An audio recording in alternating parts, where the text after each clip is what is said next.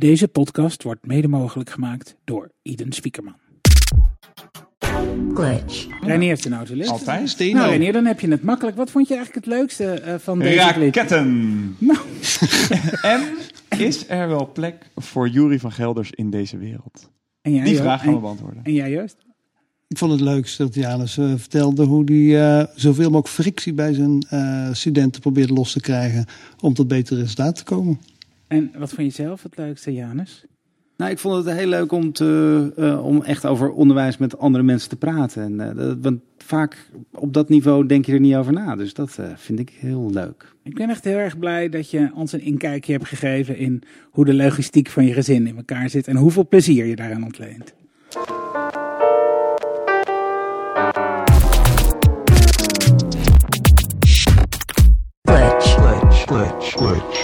Glitch.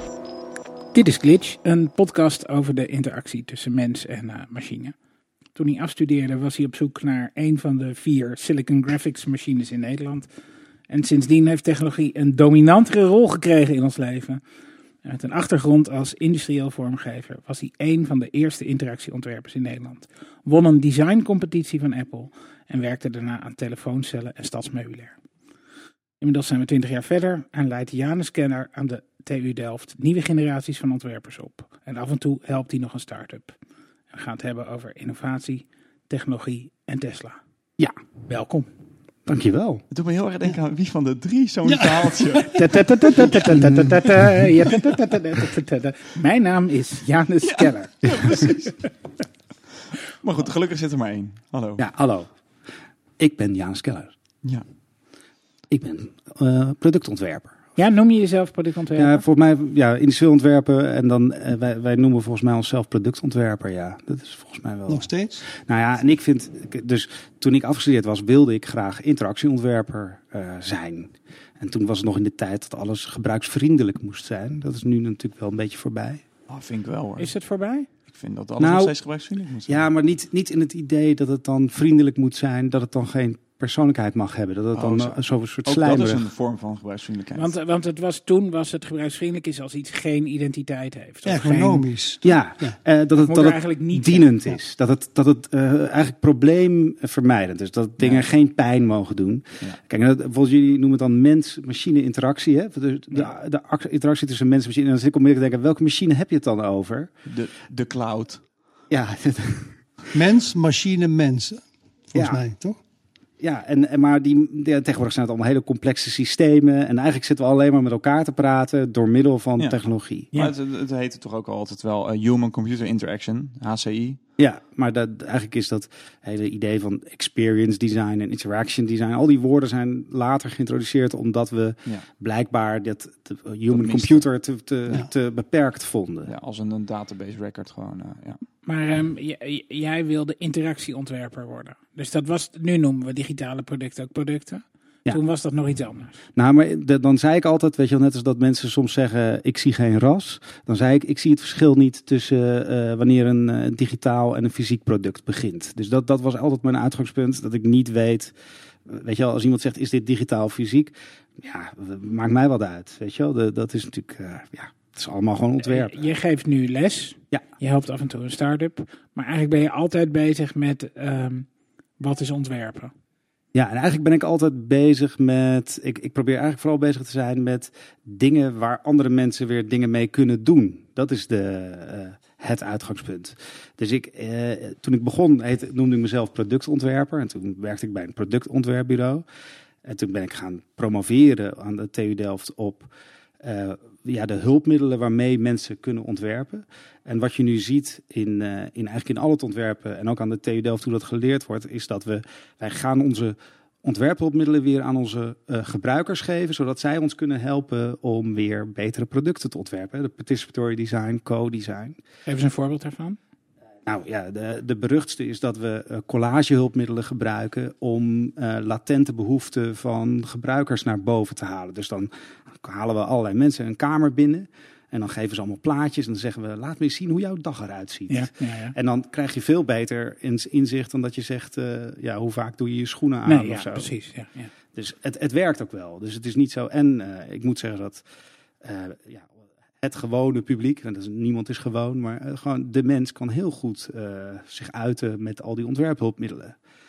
Soms zelfs beter dan een beetje een, eh, een uptight ontwerper die vindt dat alles netjes eh, goed gekaderd moet zijn, want die kan zich soms niet uiten. Dus een ontwerper wil graag dan gauw dat iets mooi wordt. Ja, en Klopt. wordt daardoor geremd. Ja.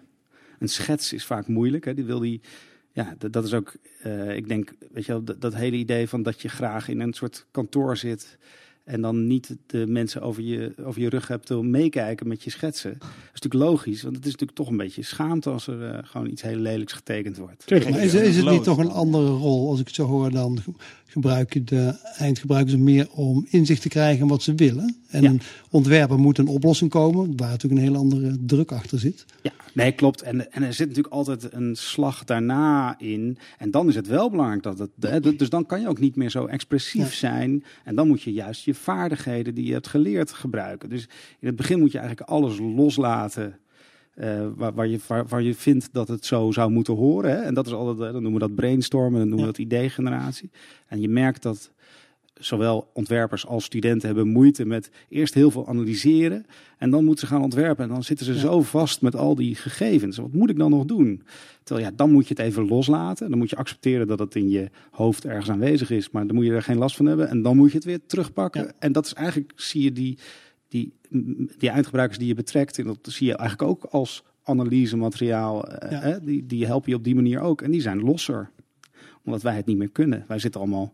We denken drop-down minuutjes, of we denken dit, of we de- weet je wel, we denken in oplossingjes. En hoe leer je studenten om dan losser met hun idee om te gaan? Ja, nou, het, eh, kijk, het is natuurlijk altijd, dan heb je het over een soort veilige weet je, ik veilige het, leeromgeving.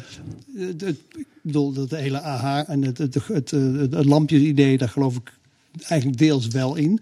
Ik zie het lampje van het nieuwe van idee. het nieuwe idee. Wat ik, wat ik nu hoor, is de manier waarop je met gebruikers omgaat.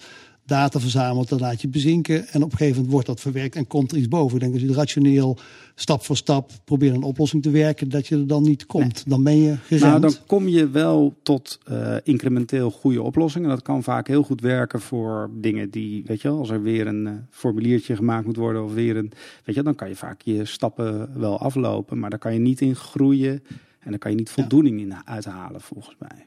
Als je het op die manier wil ontwerpen. Maar, eh, dus dat loslaten, hoe leer je dat? Kijk, we hebben natuurlijk gewoon alle- allerlei creativiteitstechnieken die we studenten leren. Maar het is natuurlijk het belangrijkste is dat je eh, mensen leert dat eh, zonder wrijving geen goede Ja. ideeën ontstaan. ja. En dat je ze uitlegt dat dat kan, dat je daarover kan praten. Ja. En, En, en hoe wij dat dus doen, is door, het is, waar, waar ik nu mee bezig ben, is om er gewoon te- voor te zorgen dat je gewoon een dag eh, allerlei workshops. Ik ben nu bezig met een vak op te zetten waarbij elke woensdag gaan de studenten een workshop doen zonder dat er verplichtingen aan vastzitten. Want heel veel van die, omdat we tegenwoordig allemaal veel slimmer worden, gaan we ontzettend moeilijke leerlijnen in elkaar zetten. En daardoor denken studenten dat alles met alles te maken heeft. En daardoor wordt het vaak heel ja, harig, weet je wel. Dus eh, dat het aan elkaar plakt allemaal. En dan denken ze, oh jee, en ik, weet je wel, ik moet eerst dit en dan... De... En ja, dan ma- maak je die grote stappen niet. Terwijl als je plotseling iemand langskomt die je iets heel raars vertelt... dan, dan wordt het Gebeurt het. interessant. Ja. Ja. en dat weet natuurlijk iedereen ook. Want alle ontwerpen waar je trots op bent, die zijn ontstaan op een moment dat je dacht... die stond onder de douche. Nou, of dat je echt dacht van, wat ben ik nou aan het doen? Weet je wel, Ja. waar ben ik Ja. nu mee bezig? Maar heel vaak heb je door dat bij dat echte innovatie gebeurt op mensen die twee vlakken combineren die niet standaard zijn. Dus het kan zijn dat je iets ziet en je ziet misschien ergens iets in een bejaardenhuis, zien mensen daar bewegen en Ja. ineens komt daar een combinatie van. Ja. Dus een, ik denk als je dat dan daar een proces van maakt, je moet een aantal stappen doorlopen, je moet het bekijken en als je dat allemaal voorspelbaar doet, dan komt iedereen ook met dezelfde ideeën. Ja, is dus- dat zo? Denk je dat ook? Ja, dat denk ik zeker. Maar ik denk dat wat je doet is door, door al die bijvoorbeeld, doordat je aan verschillende projecten werkt, dat je met verschillende onderwerpen bezig bent, daarmee maak je jezelf ontvankelijk voor nieuwe ideeën. Dus je bent eigenlijk gewoon, weet je wel, dus ideeën waaien aan, maar je moet je ervoor prepareren. Dus daarom Ja. moet je van allerlei dingen tot je nemen. En dat is wat, eh, ja, dat is wat, wat, wat je probeert in eh, in allerlei activiteiten eh, te stoppen. Dus daardoor is het ook leuk om ze nu en dan wat vreemds te doen. Vind je niet dat we eh, peak eh, creativity eh, nu hebben bereikt? Het, Nou, in Amsterdam misschien wel. nou ja, maar- Qua term. Ja, elke, en ik, ik zeg niet dat het onwaar is, maar eh, de wereld eh, is afhankelijker geworden van software. Software ontwikkelen is ook een creatief proces. Dus wil je dat voor elkaar krijgen, moet je een creatieve cultuur managen in je bedrijf. Nou, dan wil je graag dat dat, dat leidt tot iets. Er zit een interactieproces aan, dat is ook een ontwerpproces. Er komt weer het managen van een creatieve cultuur bij kijken. We hebben allerhande problemen in de wereld. Oh, roept iemand design thinking. Eh, ik zie eh, overal zie ik eh, grote consultancies die toch eigenlijk vroeger vooral financieel gedreven bedrijfsvraagstukken oplosten. Zie ik nu customer experience journeys maken of weet ik, van allerlei eh, zeg maar zeggen, creatieve technieken in proberen te zetten om, eh, om daar, nou ik zeg dan opportun een stukje van die markt, eh, maar misschien ook wel wat oprechter om, om, om die, die technieken in te zetten. Dus ook creativiteit. Ehm, is dat, gaat dat voorbij of is dat gewoon hoe de wereld in jouw hoofd zich vanaf nu gaat organiseren? Ehm, ik denk dat eh, voor, de, nou, voor al die eh, complexe dingen denk ik dat het eigenlijk nodig is om op die manier te denken. Dus je komt er niet omheen. Eh, het is natuurlijk grappig dat alle creatieve vakken, dus je hebt natuurlijk de, de, de, de creatieve vakken van klassieke vorm, namelijk die ontwerpvakken, die hebben een bepaalde manier van denken. Maar ondertussen kruipen ook al die wat meer gestructureerde creatieve vakken zoals onderzoek. Want dat is in principe heel, dat is een hele beproefde methode, maar ook heel creatief. Die duiken het ontwerpwereldje in. Dus weet je wel, eh, twintig jaar geleden als je dan zei ik ga, ik ga onderzoek doen voor mijn, eh, voor mijn ontwerp. Dat, ja, dat was dan een beetje, dat stelde eigenlijk niet zoveel voor. En nu is dat wel degelijk goed onderzoek wat bij ontwerpbureaus gebeurt. Dan kan je eigenlijk geen ontwerp maken zonder dat je niet iets onder- onderzocht hebt. Precies. Maar ben je als ontwerper een goede onderzoeker? Ik vraag het me af. Eh, ik, in mijn ervaring, eh, wat, wat ik zie... En andersom. Ben je Ja, als onderzoeker een goede ontwerper. Ja, het zijn natuurlijk allemaal het zijn rollen. Hè? Dus je moet er tijd voor nemen. Maar in principe, kijk, wij als mens kunnen alles. Hè? Ik bedoel, we, we, eh, dus ik heb ook altijd zo moeite met die. eh, het was toen ooit was die eh, Daan Rozengaarde was bij de zomergasten. En toen, ja, vreselijk. Maar toen werd, toen, toen zat die, zat die presentator continu van: wat ben je nou eigenlijk? Wat ben je nou eigenlijk? Omdat iemand in een vakje moest. Kijk, ik ben een tijd lang ontwerper geweest. En toen onderzoeker en nu onderwijzer. En ja, dan gedraag ik me anders. Maar ik ben wel dezelfde Nee, mens. Ik, ik snap wel dat je die rol eh, om kan zetten. Maar wat ik, eh, Ja. wat ik bedoel is of je met een eh, design ogen nog, of een design pad op, nog research kan doen. Ja, nee, daar ben ik mee eens. Wat in, mijn, niet... wat in mijn ervaring, ik heb, wat, ik, wat ik ervaar is dat als ik naar een, een puur zang onderzoek, als ik daar meeloop, zie ik hele andere dingen dan onderzoeken zelf. En dan merk ik achteraf, als ik nog eens terugkijk, dat ik het gewoon inkleur, omdat je tijdens onderzoek al naar oplossingen aan het zoeken bent. Ja, nee, dat, daar ben ik En dan ben je, Ja. word je blind voor echte inzichten of zaken die misschien eh, tegen, je, tegen je natuur inlopen. Absoluut. Nee, maar dat, dat ken ik. Dus je kan niet eh, de- twee rollen tegelijk. Dus bijvoorbeeld, je moet ook niet, je moet nooit de schoonmaker laten bepalen hoeveel olifanten er in de parade meelopen. Dus, Wat? Je moet nooit de schoon... dus degene die de poep moet opruimen, moet je nooit vragen hoeveel olifanten. Dan ben je Dus- meteen van een dierenmishandeling af. Ken je die nog niet, Maarten? Nee, Die is van Merlin Man, toch? We- ja, van Merlin Man. Oh, daar is hij van. Ja, natuurlijk. natuurlijk. Ja, hij is helemaal niet wijdverspreid. de Nee, dat is term, maar- een kleine term. Ja, klopt. Merlin Man. Dus, eh, maar het gaat over, weet je, ik ben nu een vak aan het geven en dan merk ik dat, eh, eh, dat ik mijn hoofd aan het breken ben over de kamers die ik moet hebben. Nou, dat moet Ja. je natuurlijk gewoon, daar moet je niet Nee. over moeten nadenken, toch? Je moet het gewoon hebben over. maar dan kan ik wel heel soort, kan ik als een soort superster daar gaan zitten van, nee, ja, daar ga ik niet over nadenken. Maar dat, zo, zo is het niet. Dus je moet er wel over nadenken. Dus, en dat is natuurlijk bij ontwerpers ook zo. Die willen natuurlijk het liefst helemaal vrij zijn, maar dat Ja. kan niet. Dus je Nee. moet maar ik ben het er wel mee eens dat als je en onderzoeker en on- dan zit, je, zit er echt een conflict in. De, de beruchtste Ja. is als jij zegt van vind je dit, vind je, eh, als je iets gaat testen of het goed is, en dan hè, dit? ja, vind je Mooi, het prachtig. mooi? Ja, heb ik tijd aan gewerkt. mooi, ja. Heb je deze knop wel gezien? Ja. Dan werkt het. Dat, daar, daar loop je op vast. Ja. Dus je moet de evaluatie zeker lostrekken van, de, van de persoon die het gemaakt heeft. Ja. Kan niet altijd. Dan denk ik wel dat het nog steeds beter is om de designers zelf hun werk te laten testen dan het helemaal niet te doen. Ja, Maar inderdaad, als anderen het doen is het nog beter. En het helpt ook om, je, kan het, het- je bent op zich wel in staat om als je een soort van het ontwerp af hebt, om bereid te zijn omdat erop Ja. geschoten wordt. Er zijn Ja. situaties waarin het kan. Ja. Alleen vooral als iemand heel trots is op iets, Ja. dan eh, wordt het lastiger. Ja. Dus weet je, en dat heb je natuurlijk bij al die, weet je wel, de, de ideeën van de start-ups en dat soort dingen. Dan hebben mensen echt een idee en daar blijven ze aan vastzitten. En hoe je ze daarvan, dan is het eigenlijk het enige wat je aan het doen bent, is om ze daarvan af te krijgen. Ja. Ja. Ja. Ja. En dat betekent niet dat het idee slecht is of dat soort dingen. Maar weet je, dus bij al die dingen gaat het erom dat je moet als het ware het ding waar je op focust, dat moet je kunnen loslaten. Of, of je dat, dat je er uiteindelijk weer op terugkomt. Een heel mooi voorbeeld is, ik, ik heb van die studenten die dan in het begin zeggen, ik ga niet dit en dit ontwerpen. En dan, en dan ben ik altijd, dan geef ik de hoogste cijfers aan de mensen die het uiteindelijk ja, wel ja, toch ontwerpen. doen. Ja. Ja. En dan er ook trots op zijn. Maar de, de mensen die het blijven ontkennen, ja, dat, dat gaat het nooit worden. En ehm, als je nou zegt, ik, eh, bij zo'n start-up eh, zit heeft iemand een idee en eh dat probeer je dan eh, uit hun hoofd eh, te praten. Of je probeert te laten zien dat er een grotere wereld is dan dat ene initiële idee. Wat komt daar dan voor in de plaats? Wat, wat geef je ze daarvoor terug dan? Nou, kijk, het belangrijkste is dan, dan kom je in die wereld van dat testen en uitproberen. Dus op het moment dat je, eh, het gaat erom, 90% van, van die hele tocht is van, het gaat niet hierom, maar oh, weet je wel, eigenlijk is dit het, weet je wel. Dus wat heb je ontworpen? Dat is natuurlijk al die, de, de, de Twitters en de Foursquares en zo, die zijn, niet, die zijn begonnen met een idee, Ja. maar dat is niet waar ze bekend om zijn geworden. Nee. Ze zijn bekend geworden om die, eigenlijk de idee fix is pas ontstaan toen mensen het gingen gebruiken en dat je dacht, oh, maar dat Ja. heb ik gemaakt. Ja, precies. Ja. Dus het eh, finding the song wordt het Ja, ook maar het is genoemd. dus ook niet ontworpen op die manier. Nee. Nee, net als Facebook is niet begonnen met een ontwerp of zo. Het is gewoon begonnen met een soort behoefte van we gaan mensen bij elkaar brengen. Ja. Geloof, geloof je dat je met een eh, beproefde aanpak een succesvolle start-up kan beginnen? Ja, dat is de beruchte. Weet je wel, de, de, de, de- Donald Norman had er zo'n mooie uitvlucht voor. Hè? Die zei van, eh, als je goede producten wil hebben, dan moet je mijn guidelines volgen. Maar als je iets fantastisch wil, dan moet je eh, niet naar mij luisteren. Dan moet je Steve Jobs, eh, die, weet je wel, die wil. Nou, en dat is een beetje. Ik, ik geloof dat je met goed poetsen gewoon best wel een end komt. Wat ik wel mooi vond, is de, dat. Eh, het belangrijkste is dat het geen nieuw idee moet zijn. Dat is het grootste probleem waar Ja. wij altijd Ja. eh, in eh, vastlopen. Ja.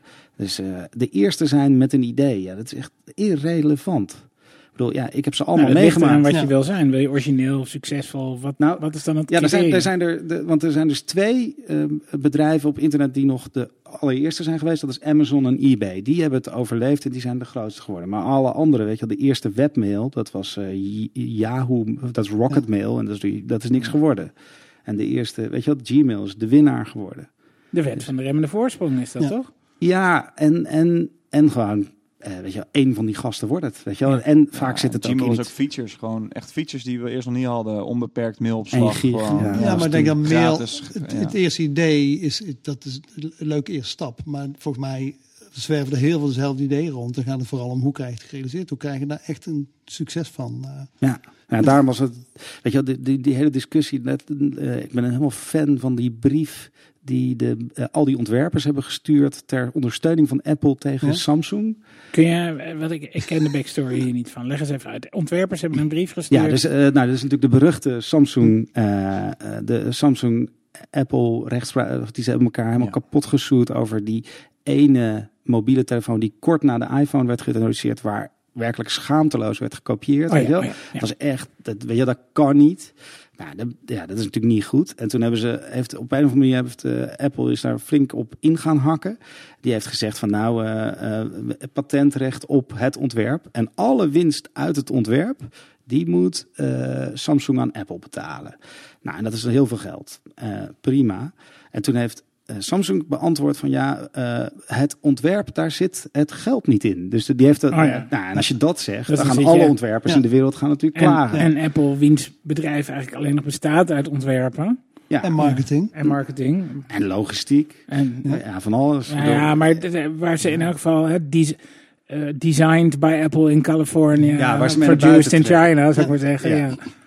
Nee, dus die, toen, werden, toen, toen zijn al die ontwerpers, hè, de Calvin Kleins en Norman Foster, die hebben toen een, letter of eh, amicus, brief of zo, letter of friends hebben ze geschreven. En daar hebben ze een onwijs mooi betoog over waarom ontwerpen belangrijk is. Super leuk om te lezen, vooral als je ontwerper bent en je denkt, ik ben niks waard. Er allemaal verhalen over hoe Raymond Levy de wereld gered heeft en allemaal dat soort dingen. Dus dat is heerlijk. Alleen, ja, er is natuurlijk wel een eh, en in, er wordt trouwens een, eh, een TU Delft medewerker, een TU Delft artikel wordt er ook even in aangehaald. Daar ben ik onwaars trots op. Eh, heel simpel onderzoekje, namelijk dat als iets er goed uitziet, dan zeggen mensen: hé, hey, dat is makkelijk. Terwijl als het er niet zo goed uitziet, dan denken ze dat is moeilijk. Nou, dat was, het, eh, dat was een wetenschappelijk artikel. Maar eh, de, de, daar is gelijk een brief overheen gekomen van de Facebooks en de, en de Dells. Van ja, je kan natuurlijk niet een, een rechthoekig vierkantje gaan, eh, gaan, gaan patenteren. En, dan, Nee. Nou, en daar hebben ze ook gelijk in, toch?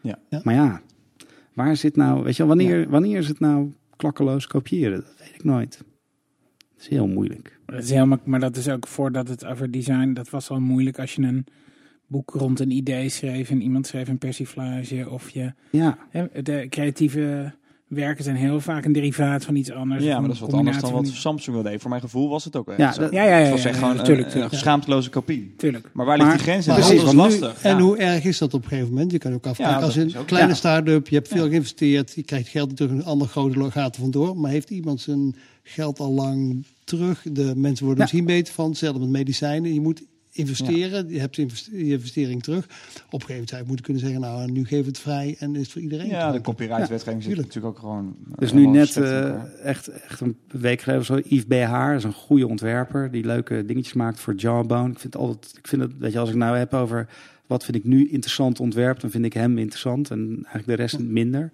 Nou, die heeft, die, die heeft dan zo'n boxje uitgebracht wat heel mooi is met mooie patroontjes erin. Hij heeft ook goed structureel ontworpen, eh, goed in elkaar. En nu heeft uh, Xiaomi heeft hem ook nagemaakt. En dus iedereen is daar boos over. En hij ook een beetje. Maar het, is natuurlijk, het doet gewoon pijn. Maar ik denk, ja, weet je wel, na vijf, zes jaar... Ja. Ja, dan is dat het gewoon. Weet Ja. je wel, ik bedoel, ja, die, die, eh, al die andere, er, er zijn ondertussen zijn er ook honderd andere van die Bluetooth-boxjes uitgekomen die allemaal bagger kans zijn. gehad? En ja, deze is gewoon duidelijk de betere. Dit is eigenlijk wat er moet worden. Hij heeft gewoon de archetype een tijd geleden ontworpen en die moeten we eigenlijk met z'n allen gaan maken nu. En eh, ik, ik, eh, eh, vorige aflevering vroeg ik aan Jeroen Disch van heel veel ontwerp voor web gaat op elkaar lijken. Dus ook omdat we een soort van iets hebben uitgevonden wat werkt. Ja. Vind je dat erg? En we, jij kijkt daar volgens mij anders tegenaan. Vind je dat erg dat dingen op het web op elkaar gaan lijken? Of is dat gewoon een consequentie van dat we zo'n systeem door hebben en dat we weten wat werkt en wat niet werkt? Eh, ja, ik wil, kijk, het is niet erg dat dingen, dat, dat we allemaal van elkaar eh, lenen. En, eh, en de, erger nog, het web was ooit begonnen met het idee dat je kon view source en dan kon je dat gewoon overnemen. Mijn Ja. eerste site was, Dat is niet meer Ja. met de JavaScript compilers van tegenwoordig. nee, maar Nee. ik weet nog dat ik de hele CNET site heb nagebouwd en daar dan mijn eigen Ja. tekst in heb geknutseld. Natuurlijk, ja. Ja, zo Ja. deed je dat. En eh, dat was de allereerste inverted L die eruit kwam. Weet je wel? Dus de, dat je zo'n twee balken Ja. had. Nou, fantastisch. En eh, nu kan je daar niet meer mee aankomen. Nee. Dat, eh, dat idee. En, eh, maar ja, dat, dat die dingen op elkaar gaan lijken is prima. Alleen wat natuurlijk belangrijk is, is dat op het moment dat iemand iets heel leuks verzint, iets heel bijzonders, dan zou het fijn zijn, wij als ontwerpers zouden het natuurlijk wel leuk vinden, als dat op een of andere manier die credits zouden blijven. Dus weet je wel, de, de pull to refresh, wat natuurlijk zo'n klein dingetje is. Ja. Nou, daar weten we dan gelukkig van wie dat verzonnen heeft. Maar Was dat in Lauren Brichter. Tweetbot of Ja. tweet iets met een Twitter-app? Ja. Geen Tweetbot, Tweety, maar die Tweety. Tweety. Ja, precies. En dat is nu gewoon zit standaard in eh, iOS om als developer om te gebruiken. Ja. Maar daarmee ook het voordeel dat Apple die patenten heeft opgekocht. Nou, heeft hij dat voor mij Volgens niet mij hoor. wel. Voor mij eh, Nee, is heeft nee, Lauren is een ex-medewerker van Apple, heeft er eigenlijk niks aan overgehouden. Dus eigenlijk voelt hij zich ook wel een beetje... Ik denk dat als je het aan hem vraagt, dan zal hij zeggen, ik ben er niet zo blij mee. Hmm. Maar ja, aan de andere kant, weet je wel, hij verzint zoveel. Ja. En eh, de mooiste vond ik van, eh, eh, er was een bepaald moment stond er ergens bij, een- bij een grote entree van een gebouw stond eh, eh, stay, stay hungry, stay foolish. En dan stond er onder Steve Jobs. Ja, Terwijl de- hij heeft ge- juist iemand gequote ja, hij quote iemand. van de oprichter van Wired. Ja, nee, van The Well. The Well. Oh ja, The Well, Was het niet ja. Kevin Ja. Kelly was dat? Nee, die, een Oh. andere. eh, maar het mooiste was, Ja. dat werd dus gezegd van... De, Ja. Toen begonnen allerlei mensen van, ja, dat is niet Steve Jobs. En toen zei hij van, nou, ik vind het op zich wel goed. Ik heb het alleen maar geschreven. En hij heeft het gebroadcast. Ja. Nou, en dat is, dat is, Ja, ja, dat- is de beste, beste manier om ermee om te gaan. Maar dan ga je ervoor dat je jouw idee zo goed mogelijk verspreid wil zien. Dat Ja. het ontwerp natuurlijk ook zo zien. Dat, bedoel, je hebt het ontworpen, het wordt Ja. gekopieerd. Ja. Is dat een En, eerbetoon? en het zou super zijn als je ook je naam genoemd Ja. zou worden. Weet je? wel? Dus dat zou leuk zijn. Maar Ja. het hoeft niet. Ik was hier bijna met een elektrische auto gekomen, waarmee ik dus niet meer thuis was gekomen als ik niet was opgeladen. Ja, vond ik echt eh, eh, ontzettend eh, goed vertrouwen in technologie. Vind ik dat. Dat je dat, je doet. Dat je weggaat van huis Ja. met een auto waarvan je Ja. weet, ik kom niet thuis. Ik moet onderweg refuelen. Maar het is wel zo dat in heel Nederland kan je in principe elektriciteit overal halen. Dus Goed, in principe is het, weet je wel, benzine kan je niet bij elke deur Nee, nee, halen. nee. En iedereen zegt dus over die elektrische auto's van ja, dat is voor, eh, voor, voor binnen de stad of zo, voor kleine afstanden. En dat was vroeger ook zo met de benzineauto. Dan moest je naar de apotheek om benzine te halen. Ja. En toen heeft er een die was ook niet van vandaag. Nee. We hebben ook niet van het ene moment op het andere moment. Of naar de smid. Of, eh, Nee, ja. iedereen zei van als je gewoon als je van A naar B wil, moet je een paard hebben. Ja. En als je gewoon eh, echt op je landgoed wil rondrijden, dan heb je een benzineauto. En dat is leuk, maar daar kan je niks mee. Dat wordt nooit wat. En toen heeft een mevrouw, eh, Mercedes volgens mij zelf, die heeft gezegd van nou, ik ga van de A naar B en dan ga ik langs alle apotheken. Ga ik benzine halen. Heb ik helemaal uitgepuzzeld en dan kan ik van A naar B. En iedereen, wow. En nu dat zijn er benzinepompen. ja. En die zijn stom. ik hoop dat er geen benzinepomp-eigenaren luisteren. Maar hoe zie jij dat in de toekomst? Voordat er zelfrijdende auto's zijn en het moment dat iedereen elektrisch rijdt, dan moet je toch veel langer tanken als je naar Frankrijk wil rijden. Ja, Hoe is dat dan Nee. iets waar we ons gewoon aan moeten overgeven?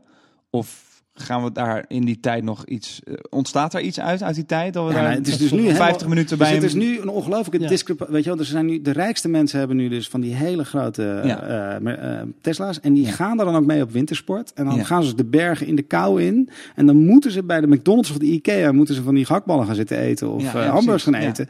Urenlang om dat ding op te laden. Nee, maar het is juist... Die mensen vinden het ook ontzettend gaaf om dan met dat ding toch naar... Weet je wel? Ja. Zou ik, eh, zou ik hebben. wel hè? sport. Maar Ja. daar kan je toch ook de hele route gewoon uitstippelen met je juiste. Ja, maar je moet veel langer wachten. Je moet heel lang wachten. Ja. Wat er gewoon mee? Het is, je die- moet gewoon, volgens mij, als je van hier naar. Oostenrijk wil, moet je twee keer een uur stoppen onderweg. Hoe erg ja, is dat? is... eh, nou ja... nou, Of eh, twee keer anderhalf uur. En dat is het ideale scenario, maar in werkelijkheid, hè, dus, Ja, ja, als je dan die verhalen en- hoort, dan komen ze allemaal, eh, dan hebben ze urenlang hebben ze zitten. Maar dat zullen ze natuurlijk niet vertellen, dan ga je allemaal Nee. niet zeggen hoe erg het wel nu was.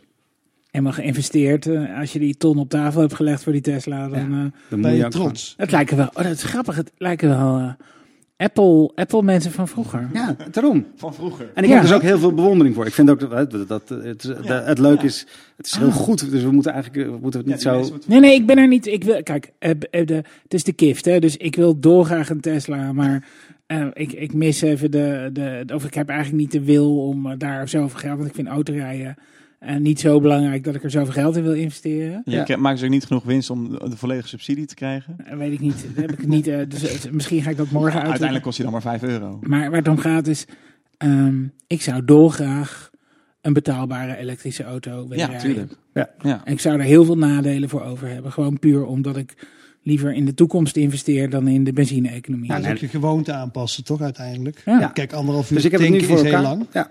Nee, maar ik heb het nu helemaal. Dus mijn ouders hebben een elektrische auto gekocht en die mag ik lenen. Nou, dat is, heel, dat is ideaal. Ja, natuurlijk. goed, goed. ja, Ja. super. En, eh, en dan rijd ik daarmee naar de TU Delft. Daar kan ik opladen en dan rijd ik weer terug. En, dan, en het is helemaal, dat is perfect georganiseerd. En dat kost dus. En ik heb thuis zonnepanelen. En ik heb op mijn werk, heeft de TU Delft heeft ook zonnepanelen. Die geeft mij gratis energie. Dus ik rij echt voor niks heen en weer, behalve de afschrijving van dat ding. Maar ook niet voor niks, weet je, het gaat dan niet om het geld. Het gaat meer om het idee dat je zo mooi Je footprint. ja, dat je gewoon dat het ja, de- dat je dat je er niet tegenop kan, weet je wel? En dan nog gezellig met mijn vrouw samen in de auto. Het is een soort het is alles eh, het ideale wat je kan bereiken. Dat je gezellig samen rijdt en dat het en het is een avontuurtje elke dag om om er te komen. Waarom? Nou, omdat weet je als het regent, dan dan wordt het dan gaat hij in het begin gaat die wat teller. Ja, hij heeft hij heeft 130 range. Maar als het koud is en als het regent, dan wordt het allemaal gewoon iets spannender. Als file is, weet je wel. En, en hoeveel moet je van huis naar de TU Delft? Ah, het is maar, eh, ik denk het is maar 80 kilometer. Ah ja, dus een Zeven- 50 Ja. kilometer. ik heb marge. ruim marge, maar toch, weet je wel, omdat er ook, eh, dat, nu begin ik er makkelijk in te worden, maar er zat zo'n, ja, er zit zo'n zo'n heel groot ding aanwezig die zegt, hoe ver kan je nog? En dat is gewoon, ja, dat is eh, eigenlijk heel slecht Ja, ontworpen. ze denken dat ze je daarmee helpen, maar ze jagen maar de stress in. Pure range anxiety Ja. enhancer. Ja. Dat, daar moet je gewoon niet over Maar hebben. ze geven niet je volgende laadstation op. Ja, dat staat er ook allemaal in. Maar dat we, dus, eh, een laadstation duurt zo lang dat dan, dan is het voorbij. Dus je moet gewoon van, van A naar B en bij B opladen. En dan zijn er wel snellaadstations, dat werkt al een beetje.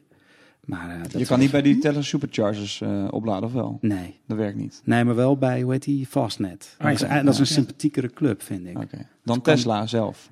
Ja, dan, en dan alle benzinepompen natuurlijk. Maar Ja. gewoon, eh, dat zijn leuke gasten die zo'n netwerk aan het opbouwen zijn. Ja. Dus die zijn nu bezig met infrastructuur. Voor Ja. over tien jaar. Ja, Maar dan mis Ja. je wel alle kassakoopjes bij de benzinestations. ja. Heb je nu toch ook Ja. bij de onbemande tankstations? Maar dan kan ik, dat, Ja. dat kan ik terwijl ik wacht, kan ik dat Ja. op mijn, eh, Ja. kan ik op mijn mobiel Ja. kan ik het allemaal bij bol.com of Blue, Coolblue. De Coolblue gaan. Maar denk je niet, als het denken nou iets wordt verbeterd, mij wat ga je na een half uur, twintig minuten. En je zou het in één klap omgooien, dan past iedereen zich toch aan aan die nieuwe situatie. Nee, Uiteindelijk passen mensen zich er ook aan aan die machines. We zijn nu gewend om, om, om eh, duizend kilometer te rijden met een tank van 80 liter. Uiteindelijk kan je dat gewoon, als je dat terugschroeft, ga je gewoon anders denken. Ja, nee, maar ook die combinatie dat tegenwoordig eh, hè, de, niemand wil meer echt een auto hebben, weet je wel? Ik bedoel, de, de- het bezit dat- van een dat- Nou, dat is niet waar. Ja, dat is We hebben niet gelijk jij woont in een dorp, is de, dat ook de, lucky 10% extrapoleren naar de rest van Nederland. Ja. Maar het is minder, nee, maar weet je wel, het is minder een, het statussymbool is er wel een beetje Ja. vanaf aan het raken. En eh, we zijn, we, we, weet je wel, de, ik denk dat de gedachte wat we nu met Airbnb eh, doen, dat je bij iemand gaat logeren, dat gaat ook naar auto's komen. Dat zal niet heel groot worden. Maar dat betekent wel dat het heel anders wordt hoe je met auto's omgaat. Ja. Want dat is natuurlijk, toen die auto's, eh, elektrische auto's uitkwamen, zat ik natuurlijk te denken, ja, dan moet de vormgeving anders worden. Hè? Want de allereerste auto had de vorm van een Ja, koets. Goed. En dan, en dan eh, ja, die motor ergens. En nu sta- moet het een soort iPad op wielen worden. En eh, dan gaan we daarnaar kijken. En eh, dan, zie, dan krijg je hele rare, lelijke ontwerpen allemaal. Maar Of, misschien moet het straks vooral moet makkelijk schoon te houden zijn. Of, Ja. eh, komen er hele andere eisen Ja, naar boven, waardoor je denkt, oh, dan werkt het Als pas. het zelfrijdend wordt, bedoel je? ja, als het, Ja. en ook, Ja. en ook niet jouw bezet, bezit Ja. meer wordt. Weet je, wel, dan Ja. kunnen we plotseling andere dingen gaan bedenken. Ja. Dus alleen die motor gaat niet het ontwerp drastisch veranderen. Weet je, wel, dat is niet. eh, dat is bij, de, bij het paard wel zo. Maar Heb Ja. je daar alles eh, op een nacht dat je niet slapen kon over liggen dromen? Of niet? Nou, op zich wel, ja. Maar niet, ik heb er, er, is nog geen vorm uitgekomen. Oh ja, ik, maar ik zit wel Het, eh, eh, maar het grootste probleem is natuurlijk al die ingeslopen, weet je wel, ingeslopen manieren die we allemaal hebben. Ja. Dus nu onze auto's wat slimmer aan het worden zijn, kunnen we allemaal er niet meer mee omgaan. Dus hè, de, ik, dat, eh, het, het voorbeeld van eh die jongen die een, eh, zijn auto niet goed in de automaat kreeg. Anton Yeltsin, de acteur bij, eh, Star van Star Trek. Die is door zijn eigen auto omvergereden. Omdat hij hem, hij dacht hem in zijn P te zetten. En hij zette hem in zijn N. Omdat hij, de pook is niet meer is, modaal. Dus dan moest je klik, klik, klik doen om naar Oh ja, P ja. te gaan. En dus ja, nou, als je dat soort dingen gaat introduceren, dan lopen mensen vast. Als je wel eens in Amerika een auto huurt, Ja. zie je dat ze daar ook... Dat is heel lang een automaat. En dan heb je opeens een draaiknop aan de middenconsole om tussen die eh, standen te Ja. switchen. Dat ik denk, Ja, toen ik waarom, eerst, eh, waarom, waarom? Weet je wel? Dat is... Toen ik voor het eerst in een, eh, in een, eh, een eh, automaat ging zitten, dacht ik dat de R voor ride stond. Dus ik had hem al in zo'n ride gezet. En toen ging ineens naar achter dat ding. Net niet, eh, het was in een parkeergarage, net niet de achterkant geraakt. Ging net goed. Ja. Ja, dus, eh, de- dat is de. En ook omdat hij dan ga je naar voren en dan gaat hij naar achter. Ja, je, zoiets. Heel raar, Heel raar, ja. Ja, maar als je het andersom doet, gaat het ook fout. Dus ja, Ja. wij weten het nooit. En, en dus de beruchte nu tegenwoordig geen sleutels meer. Dat is Ja. natuurlijk eigenlijk Ja. ideaal. Maar dan zitten we op een startknop te drukken. Wat doet hij? Wat Ja. doet hij? Ja, en hoe krijg je hem weer Hij uit? heeft meerdere Ja. modaliteiten. Ja. Ik, een groen lampje, een oranje lampje. Ik weet het niet, hè? Ik kom er niet achter. Lang indrukken, kort indrukken, Ja. met de rem, zonder de rem. aaien moet je er. Dan kan je niet gewoon het gas in, indrukken. Met Ja. de sleutel, eh, ja, maar dat zorgt ook weer voor fouten. Waarom? Dan rij je ineens een kat dood die voor de auto zit en je moet nog even wachten op die kat. Weet Maar volgens mij bij die Tesla zit, eh, zit er geen startknop meer. Dat is dat weggehaald. Ja. Dus Dus dan gewoon- heet Tesla, zeg je dan. Ja, hey Tesla. Breng me naar mijn werk. Ja. En dan ga ik ondertussen een filmpje kijken. Ja. Dan hopen dat we geen vrachtwagen tegenkomen. Ja. Hè, zijn er nog dingen jullie opgevallen in het nieuws eh, deze week? Mij echt helemaal niks. Maar ik heb nog wel wat follow-up van de vorige keer. Waar Echt waar? Hebben we lezersmail gekregen? We hebben lezersmail gekregen. Wat tof. Eh, ehm, en best wel wat. Eh, veel reacties. En dat vinden we ook leuk. Ehm, eh, iemand zei, willen jullie alsjeblieft eh, meer vrouwen als gast uitnodigen? Dus Ben ik het mee eens? Dat gaan we doen. Daar zit gewoon een blinde vlek bij eh, iedereen. Dat kan. Nee hoor, Ja. helemaal niet. Alleen eh, op een of andere manier konden we ze de afgelopen weken eh, niet boeken. Nee, ja, Want was het vakantietijd en eh, dus Ja. was het eerder toeval dan eh, opzet. Wat wil je daarmee zeggen? Dat vrouwen moeilijker te boeken zijn in vakantie Ja, dan mannen? sowieso. Nee, het was gewoon... maar ik, ik heb gewoon drie mensen geprobeerd en Joost ook. En Oh, dus ik ben de derde keus, waar je dat zegt. Ja, Ja, jij stond jawel. al geboekt. Oh, zie je, Dus alles wat je zegt eh, kan tegengebruikt worden. Dan verder vroeg iemand, kan het korter? Nee, dat kan niet. Nee, dat is niet, eh, Dat is niet de format. bedoeling. We willen graag lang praten. En als je dat niet leuk vindt, zit er een skipknop op Of je je zet hem podcast. op anderhalf keer de snelheid. Kan ook. Dat was ook een tip Ja. van de gebruiker. Ja, Ja, Ja, of eh, hoe heet het, eh, toch hoofdstukjes erin zetten en dat je Doen dan we. kan skippen. Doe je Doen al? we, ja. Oké. Maar ik heb, eh, dat kost heel veel tijd. Ja, En eh, ik wacht eh, tot eh, eh, Uber-podcaster Marco Arment een nieuwe software daarvoor af heeft. Oh, die ja. zegt, ik ga het probleem oplossen. Maar hij wilde ons nog niet beta laten testen. oké. Ja. Nou, en in het kader van ander nieuws dan dingen die niet gelukt zijn. Ik heb geprobeerd een blauw vinkje op Twitter te krijgen. Jij Ja, ik ook. Is Ja, ook ik niet gelukt. Nee, ik Nee, ook. niet gelukt. Niet Nee. gelukt. En ik ben de, de tweede twitteraar van Nederland. Ja, en dat eh, ik telt kom vaak in het NOS daarvoor. Ja. En eh, ik denk, ja, dan moet ik toch een vinkje ervoor hebben. Maar niks. Leuk. Wie is wie is de eerste? Eh, Carolien van Oosten de Buur. Een vrouw. wel eens op tv daarvoor. Nee, die ik heb wil jullie niet wel op eens tv. op- met z'n drieën. Oh nee, was zij Was- er niet bij dan? Nee, nou, eh, eh, Jij was er voor mij een keer en Boris ook. Boris Veldhuis van Zanten als een soort van eerste twitteraars. Was dat niet met Ik Boris? nooit met Boris. Oké, maar het was bij één vandaag of zo. Kunnen we wel Ben, ben je daar geweest toen? Ik zat te zappen en ik, ik kende jou toen ergens van. Toen, hey, dacht ik, dat is Janus. Dat weet ik niet. Weet je dat niet meer? Nee. Op, RT bij RTL 4 was het dan. Nee, nee, nee. Ik, NOS Sorry, ik ga dit eruit knippen, Ja, jongens. Ja. We gaan even weer verder. Ja, Dit is toch super content? langer, langer, we gaan doen het wel inhoudelijk leuk langer worden. Piet Weerbericht, SBS 6. Eh, verder heb ik nog een andere eh, follow-up. Namelijk over, eh, we hebben eh, twee afleveringen geleden eh, met eh, Albert van Veen van Schiphol gepraat. En eh, daarin hadden we het over eh, eh, API API's. API's die eh, eh, Schiphol zou vrijgeven.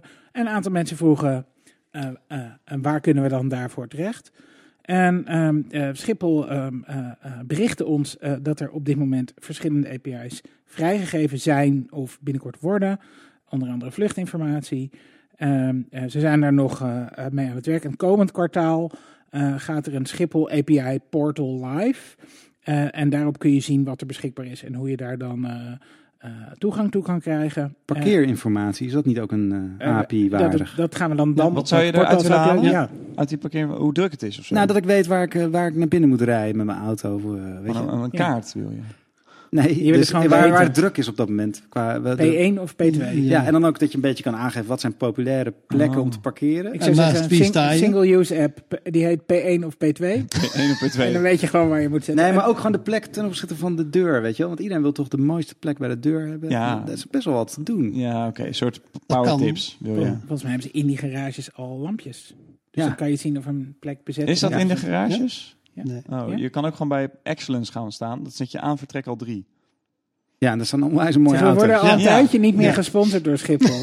Nee, dus gaat sponsoring. Maar, dus, oké, dus dat API-platform eh, komt binnenkort eh, beschikbaar. Eh, en tot die tijd, luisteraars kunnen verzoeken gericht worden aan databoard.schiphol.nl. Databoard, en dat is B-O-A-R-D. Dat is B-O-A-R-D. Niet eh, Databoard. board, als in... eh, Nee. ver- Dus doe dat. Want eh, Schiphol wil geloof ik wel al heel graag eh, dingen uitproberen. En dan heb ik het idee dat er een soort board van mensen zit Ja. die van Die- de ja, Dus data ze hebben een zijn. gezamenlijke inbox. Ja. En dan krijgen ze die mailtjes op binnen. Ehm, we hadden het ook een paar weken geleden over een lang artikel wat ik in eh, de, of op de Amerikaanse onafhankelijke nieuwssite Mother Jones eh, had gelezen over gevangenis. Amerikaanse privaat gerunde gevangenissen. Wat ontzettend veel indruk op me had gemaakt. En eh, eh, afgelopen week maakte de Amerikaanse regering bekend dat ze de contracten met private gevangenisruninstanties niet gaan verlengen. Dus alles wordt weer in handen genomen van Ja. de overheid. Nee, ja, nee, want het Oh. gaat dan om federale gevangenissen. En heel veel gevangenissen zijn op staatsniveau in Amerika.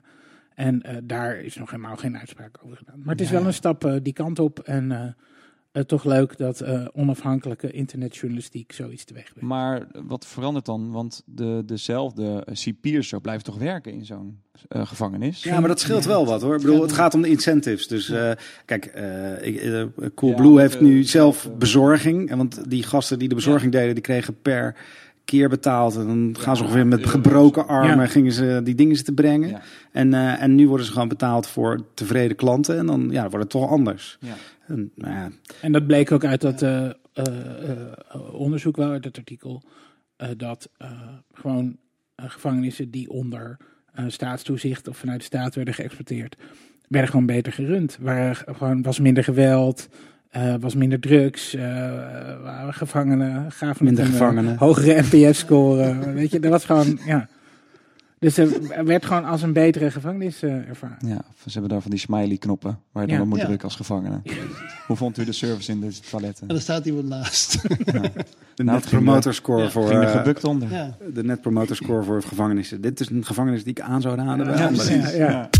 Ik heb het idee dat eh, ehm, we allemaal eh, beter snappen wat de waarde van eh, informatie en data is. En dat het belang om daar een draai of een twist aan te geven eh, groter is geworden. Of dat dat door meer mensen wordt onderkend. Dat is het eigenlijk vooral. Iedereen is gemediatraind. We leven in een mediacratie. Het gaat er niet om En wie ieder, je eh, bent, maar het gaat bedrijf hoe je ja, het gaat ook niet of je gelijk hebt, maar of anderen je geloven. Eh, ja, precies. Dat is natuurlijk wel. eh, en dat is zie je wel ook Wilders, zie je ook Trump. Nou, maar daar kan je wel. Er was laatst eh, een aardig artikel over, volgens mij in de correspondent, over hoe je dat met data kan ontkrachten. Het ging op een gegeven moment over het bonnengedrag van, eh, van agenten aan het eind van de maand. Iedereen zei ze hebben een quotum, ze gaan anders schrijven. En eh, ik weet niet met wie dat toen verantwoordelijk was, maar de minister of staatssecretaris zei nee, dat is helemaal niet waar, dat klopt niet. En dan pak je de data, dat is hartstikke leuk. Dan zie je alle bonnen op een rij in een grafiek en dan zie je gewoon pieken op het einde van de maand. En dan zie je dus dat daar dus wel bewust of onbewust Ja. gedrag in verandert. En hetzelfde hebben ze gedaan met het eh, veranderen van eh, de declaraties in de, in de zorg. Op een gegeven moment was bij een bepaald aantal behandelingen kreeg je nog wel goed en, da- en daarvoor niet. En toen zei ze, nou, dat verandert helemaal niets. En dan kijk je in die data en dan zie je precies Klopt. bij die behandeldata pieken ontstaan daarna een dal. Dus je weet dat mensen zich daarna gaan gedragen. Ik denk dat je die data ook kan gebruiken om te kijken hoe het gevangenissen gevuld zijn. Is dat, als je het op de goede manier visualiseert, kan je dan meteen duidelijk maken dat er hele rare, onlogische eh, verbanden in zitten. Maar dan moet je dus wel toegang hebben tot Ja. dat soort gegevens. Ja, die gegevens moet je wel hebben. Ja, En je moet het willen. wat? En je moet er zien. moeite Ja, erin ja, steken ja. om het uit Precies, te zoeken. ik hè. denk dat dat, dan de- laatste het moeilijkste is. Ik denk die data, vraag ik me af hoe, hoe moeilijk het is om dat, dat terug te vinden. En daarom vind je het zo fijn dat de correspondent bestaat. Zeker. Ja. Ja. Ik ook. Ik vind het allemaal fijn dat Ja. het bestaat, maar ik denk altijd wel van ja, is dat nou eh, tijdsbestendig? Kan dat nou doorgaan? Weet je wel? Denk je niet dat... eh, ik, ik denk dat... eh, ehm, als morgen de VPRO uit het Ja. omroepbestel stapt en bedenkt... hé, hey, we kunnen als we één keer reorganiseren en ons een beetje focussen... kunnen we op een correspondentachtige manier... eh, ook in ons, voorgoed in ons onderhoud eh, voorzien. Ik weet niet hoe, het gaat niet om platform. Maar stel je voor, het zijn, het is een sterk mediamerk, hebben een goede identiteit, hebben de goede makerscultuur in huis. Eh, eh, je, je moet er gaan rekenen, maar het is niet om. Ik bedoel, als er een club in Nederland het kan, zou zij het kunnen Ja, zijn. Arjen Lubach was bij Zomergasten, heb je dat nog gezien? Nee. Daar ging het er ook even over. Van, zou, eh, omdat Arjen Lubach ook een beetje experimenteert met een vlog en zo. Toen vroeg die interviewer, wie, ik weet niet meer hoe die heet, maar die, die correspondent uit Iran.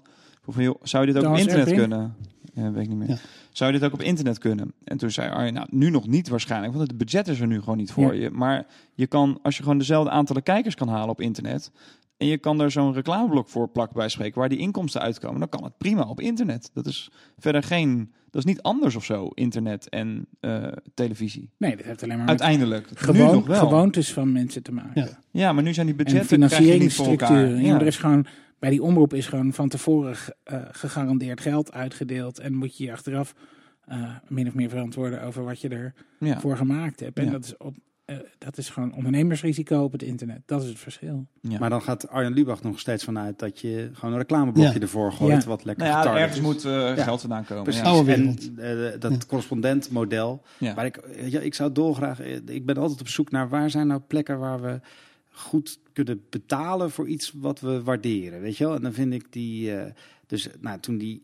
Toen toen, de, i- toen die kleine aankoopjes bij de winkel kwamen van de Apple Store, weet je, wel, kon je voor weinig een appje kopen. Dacht ik, nou, dat is leuk. Ja. Maar dat is gewoon heel snel. Micropayment. Dat is weg, weet je wel. Ik bedoel, er wordt Nou, gewoon, Blendel. ja, Maar waarom is het weg? Jij koopt Nou, geen de- apps meer of zo? nou, er worden gewoon heel weinig eh, betaalde apps. Ja. De betaalde app is niet het model, laat ik Nee, zo zeggen. Dat is jammer. en- dus het kan nog steeds. Maar het levert gewoon. Het is niet sustainable Nee. model om Nee. een goede app van te blijven ontwikkelen. Precies. Ja. En, de- de- dus, eh, en misschien zit ik dus ook vast in een, eh, in een soort, omdat ik die patronen zie. Weet je wel, Flickr er was ooit betaald en is nu ook reclame. Want weet je, de, de, kan je, mensen, ja, het is niet zo dat mensen niet betalen, maar er is gewoon. Nee, muziek ook. Spotify het- Netflix wordt er ook betaald. Ja, maar dat is ook weer abonnementstructuur. Ja. Eh, Apple is begonnen met het verkopen van losse nummers, losse albums. En dat is eigenlijk ook weg, dat model. Nou, ik nu denk ook dat de, abonnementen. de, de Netflix en de Spotify's en de Apple Musics, die zijn nu populair met hun abonnementen. Maar op een bepaald moment begint iedereen gek te worden van die abonnementen. Ja, omdat En dan je elk het- abonnement is een tientje per maand. Dus dan gaan we ook weer reclame introduceren. Spotify heeft dat al. Dus dan gaan we daarna, weet je wel, dan wordt het weer een race to the bottom. En dan gaan we weer allemaal reclame. Maar dan kan je toch kiezen? Dat kan u toch ook al? Ja, nou, Ik denk niet, dat kan, Nee, dat kan niet. nee. De, de Spotify, op het moment dat je in een betaald model opnieuw daar reclame gaat introduceren, dan is het klaar. Ja, nee, Spotify overleeft het gewoon niet natuurlijk. Überhaupt niet. Nee, toch? Nee, ja, weet ik niet. Weet ik niet. Ik, ik, Nou, ik gun het Apple ze. Music gaat het verder prima, denk ik. Omdat ze gewoon nog maar een jaar bezig zijn. Ja. Eh, ze hebben nu de helft van de Spotify-abonnees volgens mij. Dus dat gaat. Hè, ze zeggen wel, ja, ze blijven achter bij Spotify. Maar Ja. toch, ja, is, groei- is het een jaar? eh, Ja. flink gegroeid. Nou, twee jaar denk ik. Ehm, en de labels zijn gewoon veel happiger op eh, Apple nu dan Spotify. Op de een of andere manier. Dus het zou inderdaad zo kunnen dat Spotify inderdaad gewoon het niet redt. Omdat er zoveel klachten al zijn van Zijn de muzikanten. labels grappiger? Nee, hap, happiger. Nee, maar happiger in de Eh, zin die- van dat ze voor mij, liever eh, met Apple ja, bed ja, liggen. voor, voor mij wel. Want? Weet ik niet. Nou, Dus zo'n exclusieve betaalt meer. deal, weet je, zo'n marketingbudget Ja, ja. erachter. Apple ja. betaalt meer per stream Ja. op de manier dan Spotify. Apple heeft er natuurlijk ook eh, voor zijn andere producten wat aan heeft marketinggeld over om geassocieerd te Ja. worden met noem maar op. Ja. Ja, en die kunnen gewoon, weet je, zo'n Frank Ocean, die dan, die ik helemaal niet kende trouwens, maar die, die dan een of andere visuele album uitbrengt. Ja, dat, dat, dat kan je niet via Nee. Spotify doen. Dat moet via zo'n ervaring als van, eh, van Apple Ja. Music. Dus, en dan hebben ze toevallig ook nog een groot deel van dat platform in handen en dan winnen ze wel. Ja, Denk je dat? ja ik denk. dat- Dus uiteindelijk als ik jij... zeg niet dat Apple Music het per se gaat overwinnen, maar ik denk wel dat dat soort partijen, weet je wel, dus er, er kan nog een, eh, een eh, music Ja, van Microsoft Amazon komen, of. Amazon is nog een hele goeie. Weet je wel, die kunnen het nog overnemen, Mhm. maar zo'n zo'n ontzettend leuke start-up van Spotify, die, ja, dat, is, dat is gewoon moeilijk als dat op die manier zijn geld moet verdienen. Maar het leek even, een paar jaar geleden, dat als je dan een succesvol platformpje had, zou ik maar zeggen, als Spotify, Ja. dat, je, dat dat kon, dat dat viable Ja. was. Eh, Op dit moment kan het ook nog steeds. Nou, Ja. Spotify weet niet of die geld verdienen hoor. Ja, ja ze bestaan nog wel. Ja, ze bestaan nog wel. Ja. Bestaansrecht Maar er, zit, er zit natuurlijk heel veel, is er met de verwachtingseconomie geld eh, Ja. Ja. nog steeds gefund.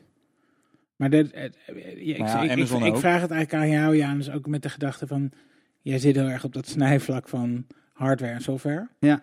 Hè, die zegt, dan vind ik Waarvan het eigenlijk zegt, er is geen snijvlak. Nee, waarvan er je is ook nog zegt, er zit geen verschil tussen. Ja. Maar het hebben, eh, al was het maar in dat het een tastbaar ding is wat je aan mensen kunt verkopen, waarin ze alleen al omdat ze er x 100 euro voor hebben neergeteld, toch heel veel waarde aan toekennen. En net als die Tesla-rijder die een ton geïnvesteerd heeft, ga ik niet roepen dat ze Tesla eigenlijk kloten is. Ja. Dat heb je natuurlijk heel, met heel veel eh, fysieke aankopen veel langer Ja. dan met sec digitale aankopen. Ja, dus dat, dat merk je wel, hè, dat mensen ja, op dit moment meer bereid zijn om geld te betalen voor iets wat ze in hun hand kunnen houden. Dat was natuurlijk vroeger eigenlijk nog erger, hè, want dan was het helemaal moeilijk om een digitaal goed te verkopen. Ja. Iets puur digitaals. Dan moest er Ja. toch een fysiek dragertje aan vastzitten. Ja, ik, ik denk dat. eh, op, maar je zou dus ook kunnen zeggen van ja, we gaan langzamerhand richting dat ook die fysieke goederen eh, waardeloos aan het worden zijn. Hè? Dus dat we ja, eh, de telefoons, weet je wel. eh, Dat we er nog maar een paar hebben, een soort van ja, dan heb je, weet je wel, fysieke portals naar de rest van de deeleconomie. Ja, Oké, nou gaan we straks even met je verder over praten. okidoki. glitch, Deze aflevering van Glitch wordt gesponsord door Eden Spiekerman. Wie? Eden Spiekerman, dat is een hele leuke plek om te werken. Joost, ehm, jullie zijn op zoek naar mensen. Wat voor mensen zoek je? Ja, wij zijn op zoek naar een eh, creative developer. Eh, een creative developer, dat is voor ons eh, iemand die ontwerpt en denkt in code. En eh, ons helpt om projecten naar next level te brengen. Ja, volgens mij krijgen we in Speakerman heel veel de vrijheid om aan projecten te werken als de, zeg maar, de developer van een designclub, waarbij je ook gewoon je designtalent kan ontwikkelen als creative developer. Ehm, en je werkt met de laatste technieken, je mag fouten maken, je mag experimenteren. En eh, je werkt voor topmerken en internationale klanten. Dus als je moet kiezen tussen zweten voor een start-up met één puzzel of eh, jezelf, eh, eh, In Naar het volgende niveau brengen. Ja, precies. zou jij kiezen voor Ieder Speakerman? Ja, als ik in die positie zou zitten, wel ja. Ik zeg doen. Wil je ook werken bij Ieder Speakerman? Kijk dan op jobs.idenspeakerman.com. glitch, Maar goed, ik had dus een heel interessant ja. artikel gezien.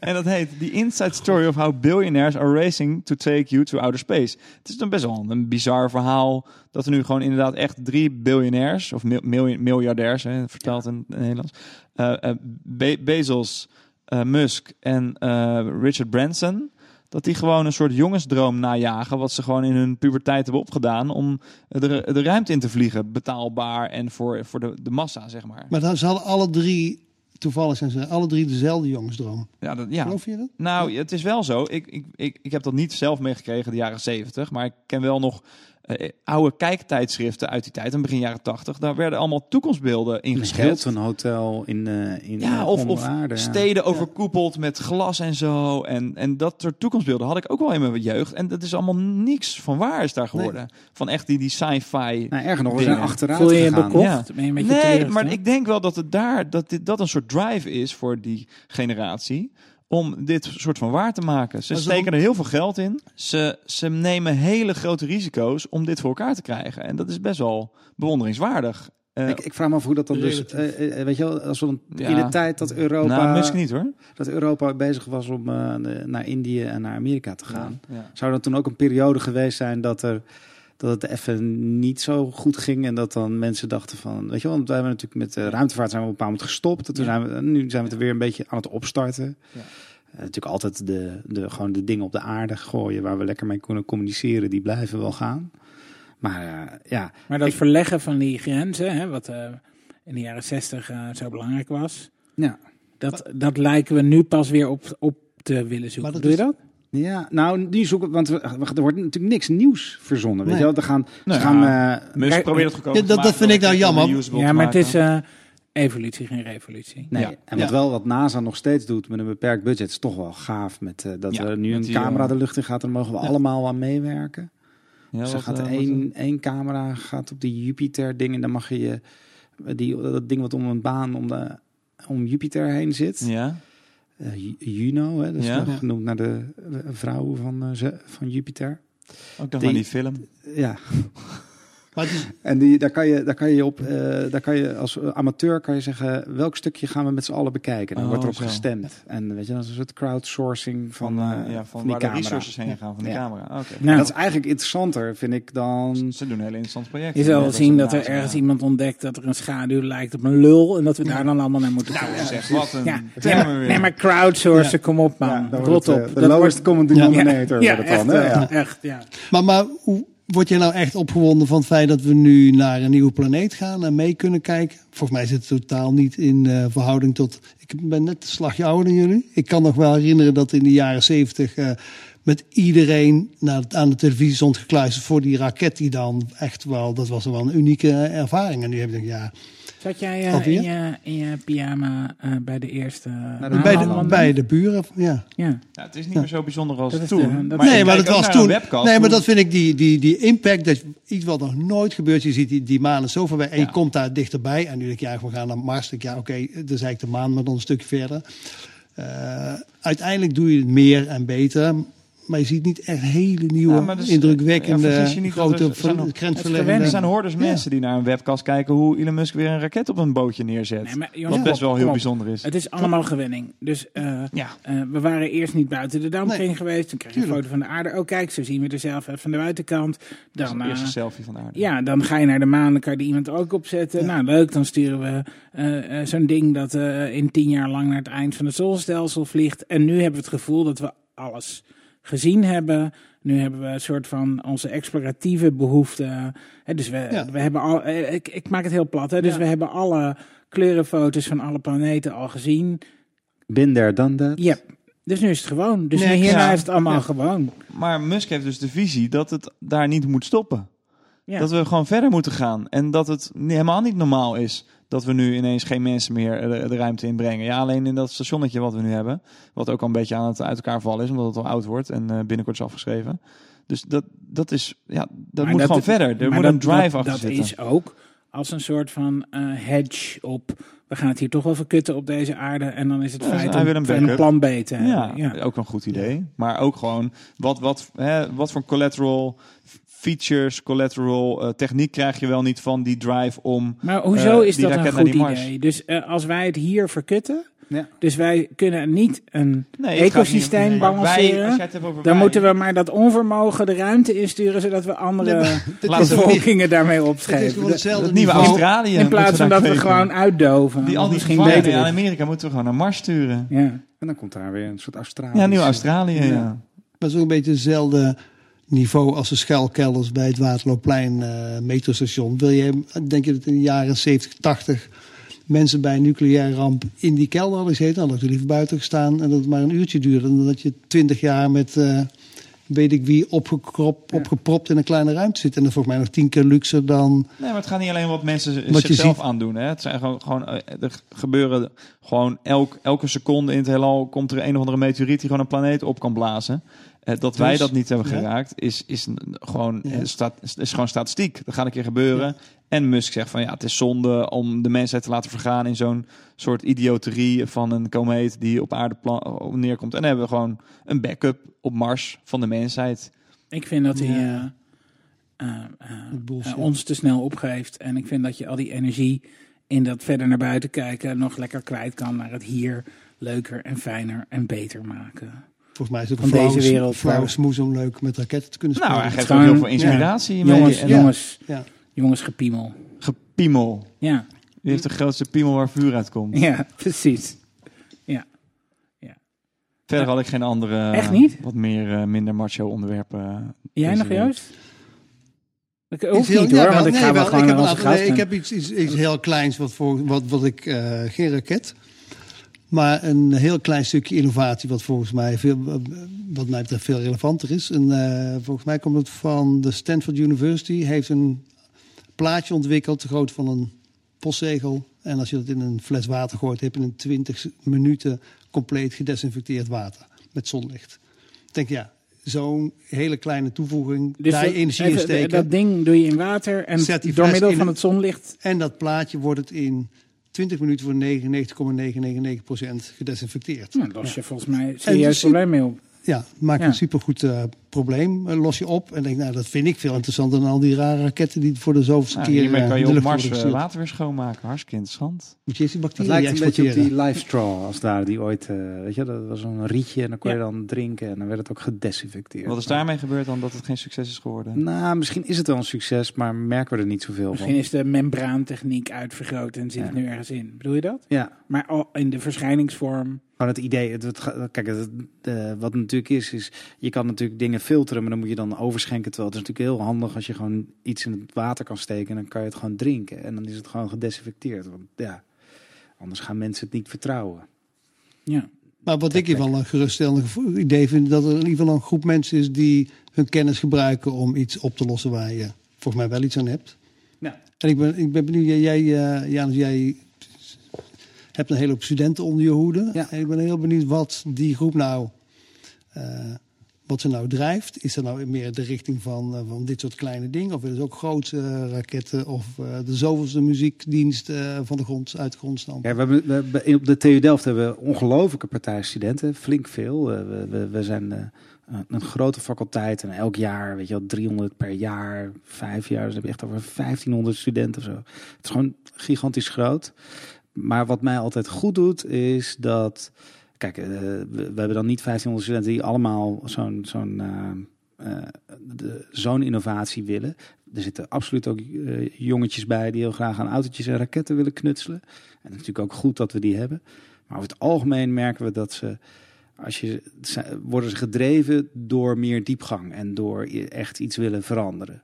Alleen, ja, het is niet altijd zoiets eh, dus vaak gaat het over. We hebben flink wat van die bottom of the pyramid pro- projecten of dingen om sociale ongelijkheid eh, op te lossen in Nederland en daarbuiten. Nou, daar wordt hard aan gewerkt door die. de- de, daar wordt niet hard, de studenten gaan daar harder van lopen. Om dat Ja, zijn ze ja, dat is echt, begaan met de wereld? ja, opvallend. Weet je zonder dat daar een ongelooflijke eh, soort. eh, wat, ik, wat ik mooi vind, is dat het niet gedaan wordt vanuit. eh, de- ik moet wat nuttigs doen, maar meer. Weet je, dit, dit, ja, dat, dat werkt voor me. En natuurlijk, als ik met een ontwerpbureau. Als ik, nee, als ik met een. Eh, met een echt bedrijfsopdracht kom, dan gaan ze ook harder lopen. Ja. Maar dan vaak is het toch nog op zoek. Dan gaan ze toch bij zo'n bij zo'n bedrijf op zoek van. Ja, wat, heeft, wat, wat voeg je nou toe? Weet je wel? Wat doe Wat je? voegt het bedrijf Ja. toe? ja, waar, waar ben je mee- Anders dan geld verdienen. ja, precies. Dat. En dus dat, dat is wel belangrijk voor deze studenten.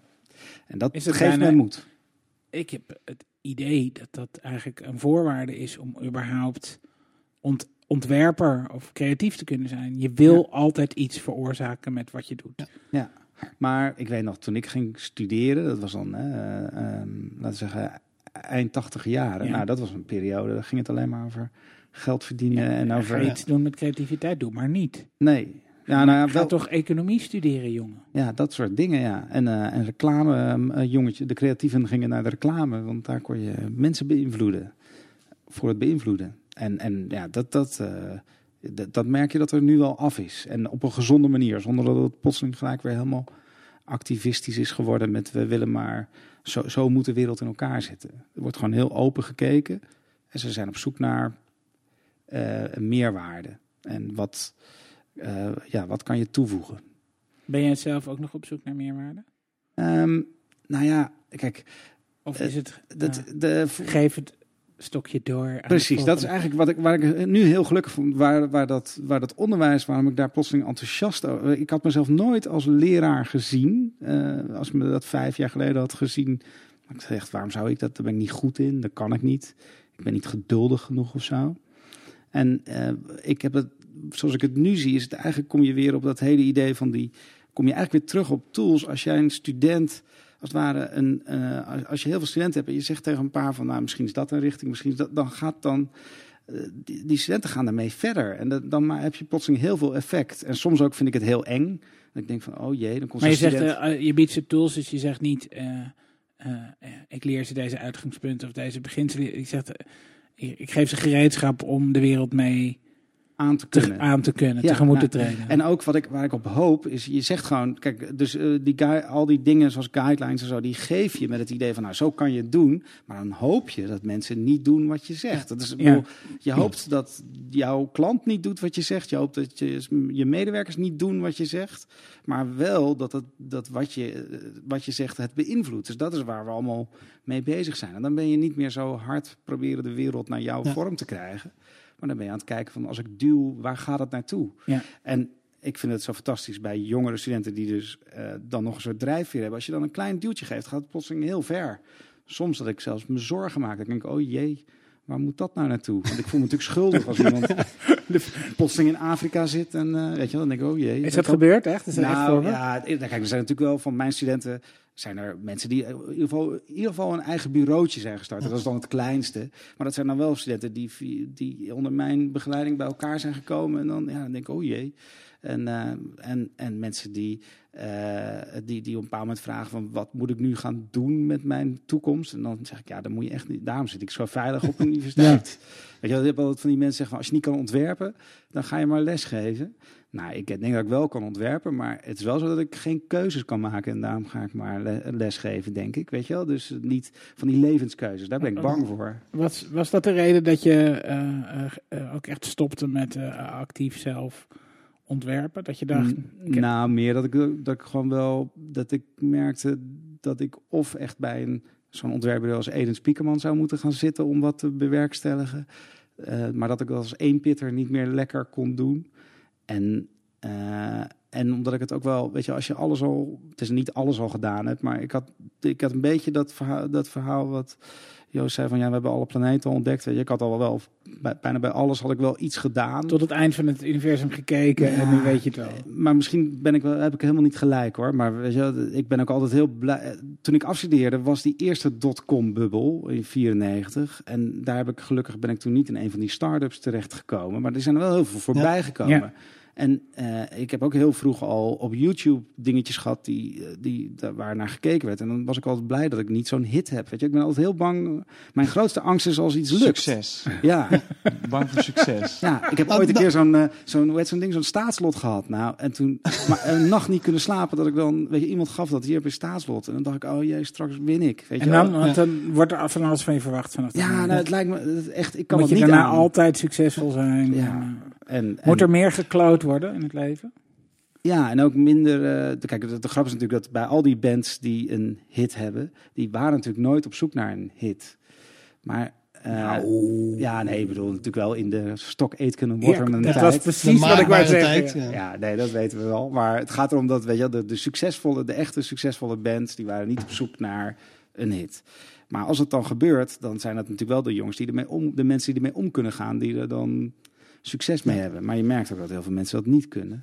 Hoe, hoe kijk je dan aan tegen die enorme groep eh start-ups die, eh, die investeringskapitaal mogen verbranden, Ja. die succes moeten hebben? Leeft dat wat op? Nou, ik vind het echt super. Dus, eh, da- dan komen we. eh, ik heb eh, een van de dingen die ik, die ik buiten mijn ontwerponderwijs doe, is het organiseren van een lezingencyclus over interactieontwerpen. Mhm. En daarbinnen hebben we ook een paar van die start-ups gehad. En dan zit ik altijd vol. Dan denk ik, jezus, we hebben een echte. Weet je wel, die willen dit echt met dat er dan geld in gestopt gaat worden. En, en, en dat, ja. En ik, ik Het is ook vind- wel fijn, vind je niet? Ja, Wat is fijn. en- nou, ik vind, ik vind echt heel leuk. Je, eh, je kan soms echt eh, eh, vijf, zes mensen die elkaar helemaal aansteken in bevlogenheid. En die het echt denken, ik heb I'm God's gift to mankind. Of in elk geval dit product wat we nu aan het maken zijn, is dat. En het, kan, het lijkt me heerlijk als je... Als je Als je dat zou zijn. Maar- Nee, maar nee, nee. Als je op, ik, Wat ik lijkt je kan nou het niet. heerlijk? Nou, het lijkt me heerlijk als je daarin kan geloven. Oh zo. Het is eigenlijk Ja. meer als elke vorm van geloof waar ik ook altijd wat moeite mee heb. Ja. Zo zit ik niet in elkaar. Maar als je dat wel kunt, lijkt me heerlijk. Maar je moet ooit met je been op de vloer komen. Ja. En natuurlijk met echt geloof kan je Ja. eeuwig tot je dood bent.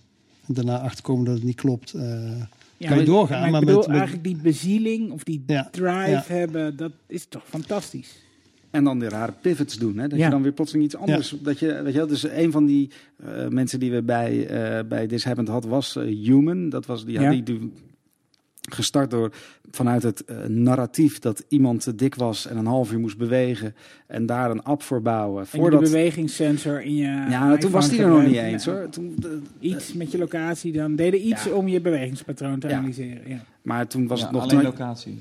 Ja, Ja. ja, in het begin nog voordat ze die M7-processor... Ja, en ja, precies. uiteindelijk werden ze irrelevant door al die andere Ja. apps. En die zijn nu uiteindelijk overgekocht door een, een kaarten... Ja. Omdat eh, iedereen de, de, alle straten ging doorlopen door Amsterdam. En dan weet je precies een kaart van Amsterdam, bij spreken. En dan kon je zeggen waar, eh, Ja. waar hardlopers Ja. vaak rondhangen. Ja. En, eh, nou, Dus hoe, hoe krijg ik toegang? Oh nee, ja, dus eh, Data de. TomTom-data is al geclaimd. Waar kan ik dat nog meer vinden? hey, die app. Ja. Ja. En die Mapbox die doen ook volgens mij weer... eh, die hebben dan nu weer allemaal voorbeelden... dat ze dingen maken voor Pokémon Go-achtige applicaties. Want Ja. daar gaan die kaarten dan weer voor gebruikt worden. Ja. Nou, ja...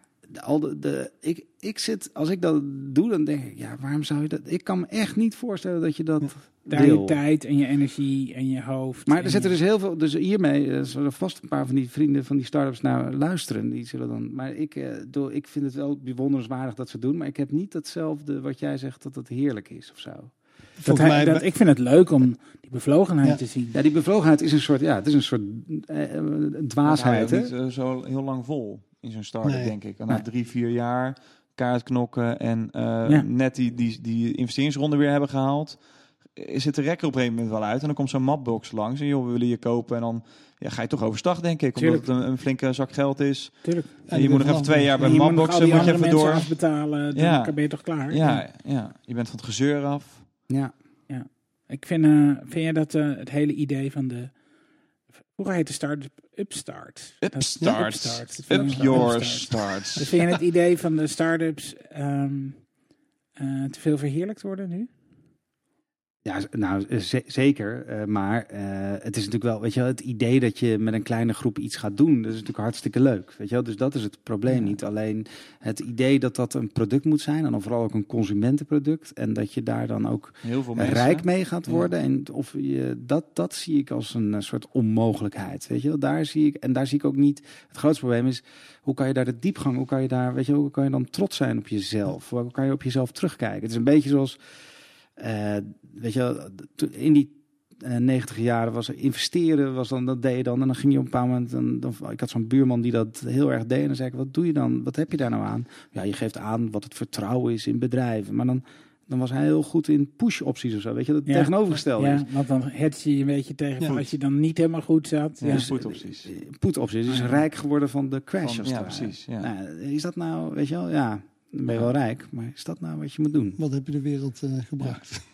Dus, maar ja, eh, maar er zal vast een nut in zitten. Maar ik zie dat dan niet. En heb je niet stiekem nog een, eh, een verlanglijstje van dingen die je nog een keer zou willen aanpakken? Oh, als je je tanden kon zetten in. Ehm, Ik zou dus de OV-chipkaart willen oplossen, dat probleem. Nou, dat is wel heel mis leuk. Dan, zou ik echt heel graag willen. Ik vind het fijner dan die kaartjesysteem wat we hadden. Hoor. Zeker. En, en Dus- toch kan het nog beter. En Ja, heel veel beter. alles kan altijd beter. Maar wat is er nu dan echt mis nee, maar met laten we, het gaat niet meer. Ik bedoel meer van, heb je zo'n ding? Heb je zo'n zo'n doorn in het oog waarvan je denkt, oh, als ik toch nou, dus, zo, zo'n, dus die, eh, die OV-chipkaart, daar hebben we dus op de TU Delft echt een onwijs leuke groep voor van studenten en medewerkers die daar naar kijken. Oh, echt waar? Ja, de Jasper van Kuik doet Dus dat. de- oh, wat een lachen zeg. En die heeft, een, eh, die heeft echt drie of nee, heeft totaal zes afstudeerders die bezig zijn met eh, alleen maar dat. De poortjes, de overgang naar Schiphol. Echt mooie details waarop uitgewerkt wordt. En hebben ze dan ook contact met, hoe heet het, Translink Ja, allemaal, met Oh, alle ja. partijen. Maar het is heel mooi, want de constructie is op een dusdanige manier dat die zijn niet de opdrachtgever. Zij zijn een kenniscentrum en ze leveren die kennis aan NS, Translink en al die partijen. Ah ja, Dus het is wel een mooie constructie. ja leuk. Ja. En eh, ik zou dat graag nog wel iets breder willen zien in alle mobiliteit. Ja. Eh, want eh, waar ik altijd heel gelukkig van word, is een soort van de vrijheid die je kan hebben in. Eh, s s'morgens kunnen kiezen op de fiets. Weet je, Nederland is niet zo groot. Dus, Ja. je, hebt, dus eh, je kan met de trein, je kan met al die dingen. Ja. En hoe je daar vloeiend mee om kan gaan, dat is iets waar, eh, waar volgens mij nog heel veel in gedaan kan En worden. word, je daar, vooral- word je daar gelukkig van, de keuze of je in die elektrische auto stapt? Of... Ja, dat word ik echt. En, en ook, ik hou heel erg van hele moeilijke logistieke problemen. In, in mijn in kleine wereld vind ik dat heerlijk. Dus dat mijn vrouw dan via de trein komt en ik haar met de auto ophaal. En dat de kinderen. Weet je wel, dat, dat, iedereen klaagt altijd van ik ben een chauffeur van mijn kinderen en zo. Hè? En ik vind juist dat hele. De, de, het idee dat je daarmee. Dat is eigenlijk een soort. Dat is eh, communicatie. Het is ook een vorm van communicatie Ja. met elkaar. Nou, dat je iedereen van A naar B. En dat- ik word altijd heel gelukkig van als ik van ballet en dan mijn dochter ophaal die bij een vriendin aan het slapen is. En, weet je, dat vind ik, daar word ik helemaal gelukkig van. Ja, Je bent de multimodale routeplanner. Dus eh, wat Ja. nou zelfrijdende Ja. auto's moet je echt niet hebben. Dan mis je dat Ja. moment. Nou, ik denk dat eh, ik vind het eh, fysieke sturen. Dus naar mijn idee is het, wordt het nog interessanter. Wat, het- het leukste is eh file-informatie, eh, reisinformatie, weten. Weet je, dat, dat is eigenlijk de, de informatiegedeelte is het sp- spannendste. En waar iedereen is. Dus dat we tegenwoordig eh, beetje creepy kunnen zien waar iedereen is. Dat is toch interessant. Doen jullie dat in jullie gezin? Eh, nou, we, we zoeken ernaar, maar we doen het niet echt. Dus de grap is dat eh, het, is een- het is natuurlijk al voornamelijk normen. Maar eh, ehm, mijn kinderen willen graag weten waar hun telefoon is, zodat ze hem kunnen vinden. Ja. Nou, dus dan moet ik in staat zijn om dat ding te kunnen pingen. Dus dan moet het aanstaan. Maar ik vind niet dat, ze, dat ik dan moet kijken waar ze zijn. want Dat is, dat is niet netjes. En, en, Maar met eh, je vrouw? Doe je het wel met je vrouw? Nee, oh, ja, wat? Oké. ik, zal, ik zal de vraag. Eh, de locatie. Nee, Ik- nee, in wij thuis wel. Ik, ik weet waar mijn vrouw is. Met het, tenminste, ik weet waar haar telefoon is. Dus, hè, fysiek is dat wel waar mijn Precies. vrouw is. Maar ja, wij hebben dat wel aanstaan. Hebben we nu Ja, een, hebben- paar maanden aanstaan. Het gaat verder prima. Ik zit natuurlijk niet elke Nee, dat bedoel ik. Dus is. het gaat erom, hoe ga je ermee... Dus Ja. Eh, ik erger nog, eh, toen, toen, toen dat allemaal niet bestond, in, eh, in 98 of zo, toen was er nog geen iPhones en zo, kon ik, eh, toen had ik een, een computer in, mijn, eh, in onze eh, keuken staan. En als mijn vrouw dan belde, voordat, gewoon met de echte telefoon. Ik ga nu vanuit Den Haag naar huis. Dan ging ik op de file kijken. eh, hoe, dat, dat was ook een en dan kon ik mijn koken erop aanpassen. Ja, ja Want precies. wanneer Ja. moet het eten En klaar zijn? hoeft, ik hoef niks tegen te zeggen tegen mijn vrouw. Die, die, die weet ongeveer wanneer ik naar huis ga. Dan kijk ze even, oh, eh, waar is die ongeveer? Ja. En dan, eh, ja, of andersom. Hè, want we zijn modern. Ik kook ook af en toe. En het gaat natuurlijk om. eh, nou, ik heb een tijd lang heb ik een van die start-ups die had iets wat te maken had met afstanden, Ja. afstanden van elkaar. En dan eh, kreeg ik een soort pushberichtje als mijn vrouw ergens op vijf kilometer was. Ja. En toevallig was dat Dat ging dit geofans waar ze dan binnenkwamen. precies. Ja. Oké. en dan, kreeg ik, en dan, kreeg ik, eh, dan kwam er een trein. Die trein kwam precies altijd bij mij dat ze dan net even binnenkwam en dan weer naar buiten. En dan had ik dus een pushberichtje waar ze was. En daar kon ik echt super goed op koken en op eh, anticiperen. Ja, en dat is heerlijk. Dus je hoeft ook niet, je hoeft het niet op. dus de grap is dat de interface van. De eh, kaart. Find My iPhone is nog niet helemaal goed Nee. met die kaart. En dat, dat moet anders. Maar ik, ik, ik zie wel heel veel in het delen van die data. Ja. En, eh, en dat is, dat is superleuk. Ja. En ik- het is natuurlijk ook fantastisch om, eh, om, te, weet je, wel, om elkaar te passeren. En dat je, dat je weet dat je allebei ergens bent. Maar dan wel graag zelf je beslissingen nemen. Ja, maar Ja. Ja. ja, ik deel ook als ik een afspraak heb met een vriend en ik weet dat hij een iPhone heeft, dan zet ik gewoon eh, nood- eh, locatie aan voor een uur. Ja, doe je Gewoon ook even- heel vaak als je eh, Als onderweg bent ja, naar deze ja, opname. want dan weet, of, ik, dan weet ja. ik, jij kan zien waar ik ongeveer ben. Ja, dat hoef ik niet je Ja. te updaten van, oké, ik sta nu Ik in de kom er nu aan. En Ja. het, het is eigenlijk een andere manier. Maakt mij niet uit dat je Ja. dan weet het komende uur waar Een ik soort ben. gifje, maar real-time heb ge- Ja. geüpdate waar je bent. En er was een Rotterdamse app, Routeshare, die dat deed eh, tijdelijk op je telefoon voordat al dat. En dat deed het, dat was puur op. eh, Man, het was een, er was een, ik weet niet hoe lang, dat is ook al lang geleden, maar had je zo'n hele serie van die, van die, van die, van die appjes waarmee op je eerste locatie, dan kon je op het web, kon je weer iemand trekken, of weet ik niet. Ik, eh, zo echt zo'n Erwin Blom dingetje, weet je, die dan half Nederland ging, eh, ging van afspraak naar afspraak, ging laten zien waar die was. Ja, zou, ja maar dat was zo, echt zo in de tijd dat je al die dingen ging de ontdekken. Foursquares en de Swar. Ja, Ja, die, andere ja. Go, Go, Goala, had je ook nog? Ja, daar heb je een t-shirt van. Hm. Sabbath 2011. Goala. Goala, toen Ja, dat was nog. Ja. De- daar kon je heel erg dat met was- stickers was dat. Ja, precies. En, en ze, datzelfde bedrijf had ook een soort spel gemaakt op Facebook... waarin je stickers bij andere profielen kon vinden en zo. Is als een soort van trading card game. was super gaaf, maar dat is allemaal... Dat is goed gedesigned, maar heeft het niet overleefd. Nee. Nee. Gowalla was de beter gedesignde Foursquare. Ja. Maar toch heeft het niet gehaald. Nu zit ik gelijk te denken aan dingen die het nog meer niet gehaald hebben. Moest ik aan... eh, Jury van Gelder. nee, de, de Delicious. Die heeft eh, Lowlands gehaald. Ja. Ja, Ja. dat is een soort troostprijs. Een soort eh, Ja. eh, verheerlijking, een, een soort Jezus die daar toch Ja. aan het draaien was. Ja. Ja. Het was ook gelijk. eh, eh, de spelen waren nog niet klaar of iedereen was happig om. eh, hoe zit het nou echt? Wat is er nou echt gebeurd? Nou, wat is er echt gebeurd? Ik heb geen idee. Nee, ik, weet- ik niet. Ik zag het alleen een teaser van. dit is het echte verhaal achter het vertrek van. Ik denk, nou, wat op. Doet er toch niet meer toe? Wel, doet het er wel. Is het van belang dat we weten? Nee, het ergste is als er niks anders gebeurd is, Je toch? moet wel een beetje nieuwsgierig blijven. Stay Ja. hungry, stay foolish. Ik wil weten wat er is gebeurd. I'm hungry, I'm foolish. Nou ja, Oké, ik, heb het, eh, ik heb het wel gelezen. En eh, ik kon het natuurlijk niet beheersen. En het ging omdat hij had zich eh, eh, toch meer misdragen. Het was niet de eerste keer dat hij eh, zich niet aan de afspraken had gehouden. En eh, dronken was thuisgekomen. Nee, ik vind nee, het nee. nog steeds, ik las het en ik dacht, ik vind nog steeds totale onzin. Totale onzin. Balkenende is terug. Het is een beetje, eh, ja, want eh, zijn plek had ook bezet kunnen worden door eh, eh, drie andere atleten die nu zijn thuisgebleven. Ik denk, nou, maar hij was er. Ja. En eh, we wilden ook eigenlijk dat hij ging winnen. Rot op, weet je? Ja. Ja, Ja. het is een typisch event. Nou, koester hem. Ja. Ja, alles moet zo glad gestreken. Ja, nee, de, de, de grap is juist dat eh, de, de, dit zijn de mooiste verhalen. Maar het is wel leuk dat het nu uitgekomen is. Ja. Dat, is dat is dan wel het Ja. voordeel van dit hele drama. Het verhaal had nog mooi geweest als hij Ja. gewoon een medaille had gehaald op die maandag. Ja, dat is helemaal Ja. top geweest. Met zijn kater. Ja. Ja. Ja, en dan een hele dikke, vette vinger had opgestoken. ja. Heb je, eh boeit het je? Sport? Nou, sport vind ik niet... Ja, nou, nou maar nee, nee. Raketten of sport? Raketten. Yes. Sport, Nee, maar meer. Ik vind het natuurlijk wel. Ik vind het, ik vind, eh, ik vind het wel prachtig om mensen te zien lopen en mensen te zien. Als je maar andere mensen ziet lopen. nee, ik vind het zelf ook wel.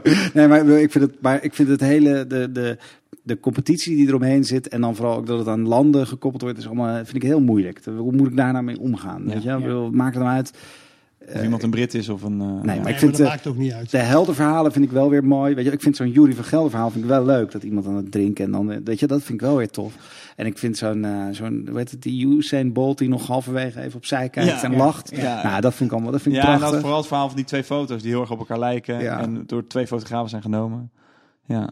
En dat, eh, en dat eh, de manier waarop mensen over die dingen heen springen en dat het dan helemaal, hoe dat allemaal uitgeregeld en hoe zwemmen, eh, steeds dat daar heel veel eh, innovatie Met die in is. uh, haaien pakken. En, eh, ja, en ook vooral in de slag, in de Ja. slag. Dus dat ze meer Omdat we steeds beter weten en Ja. begrijpen en Ja. kunnen modelleren. Ja. En dat het terwijl er in de atletiek wordt er eigenlijk niet zoveel gedaan. Nou, dat soort dingen vind ik interessant. Maar ik vind de, gewoon de, de spelen aan zich. En dat we dan, en wat gaat er door je heen? Dat soort dingen, ja, dat kan me niet zo Dat boeien. slechte interviews. Ja, nou, wat ik wel heel mooi vind, is die enorme gepassioneerdheid van mensen om ergens helemaal voor te gaan. Want je moet je halve leven opgeven. ja, maar dat is ook gewoon een kronkel. Ja. Ik, ik, ja, ik weet niet. Nou, ik, nee, dat ik vind heb er ik- ook wel moeite mee. Ja? Ja. Ja. en vooral als, eh, als het wordt opgedwongen door, weet je wel, door je omgeving. Ja, Ja. maar ja, maar dat vind ik ook wel moeilijk. Op een gegeven Zo'n moment... kruidcheck heb ik altijd wel moeite mee Ja, dat is waar. Ja. Soort kindermishandeling vind ik dat. Om over die Russische turnstermeisjes nog maar te zwijgen. Dat je ook denkt, ja, Ja. ben je eigenlijk wel oud genoeg om te bedenken of je dit leven wil leiden? Ja. Ja, moet je, nou ja, goed. Enfin, maar dus eh, even weg van de ethiek. Want ik wil nog heel even eh, in de een klein beetje tijd dat we hebben met jou praten over eh, lesgeven.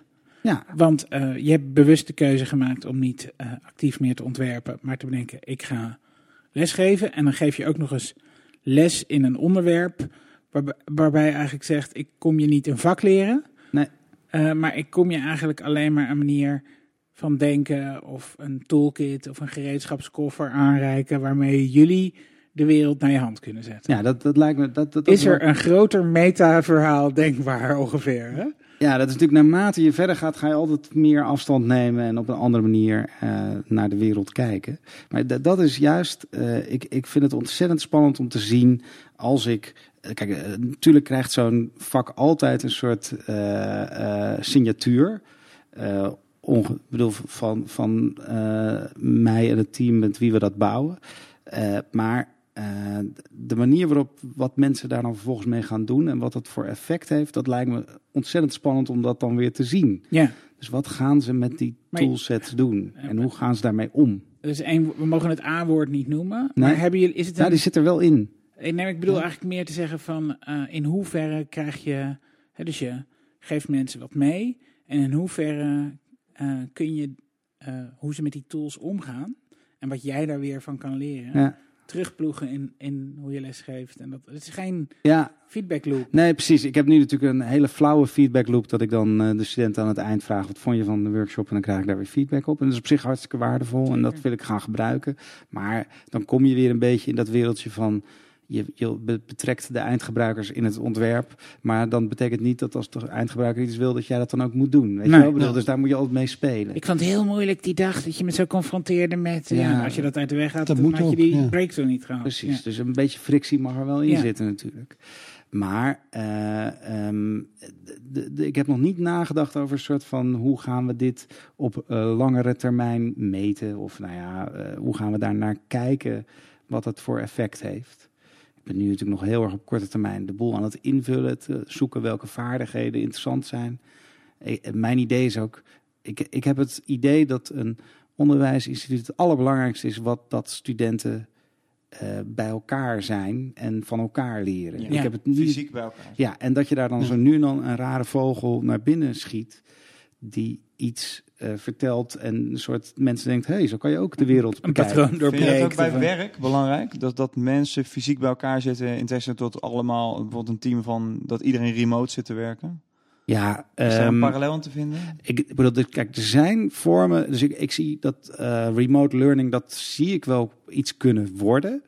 Ehm, maar het gaat er vooral om hoe gaan mensen echt met elkaar om. En dat, en dat echt met elkaar om kunnen gaan, dat kan ook via remote. Weet je wel, je kan echt wel op afstand liefdes opbouwen. Dat kan wel.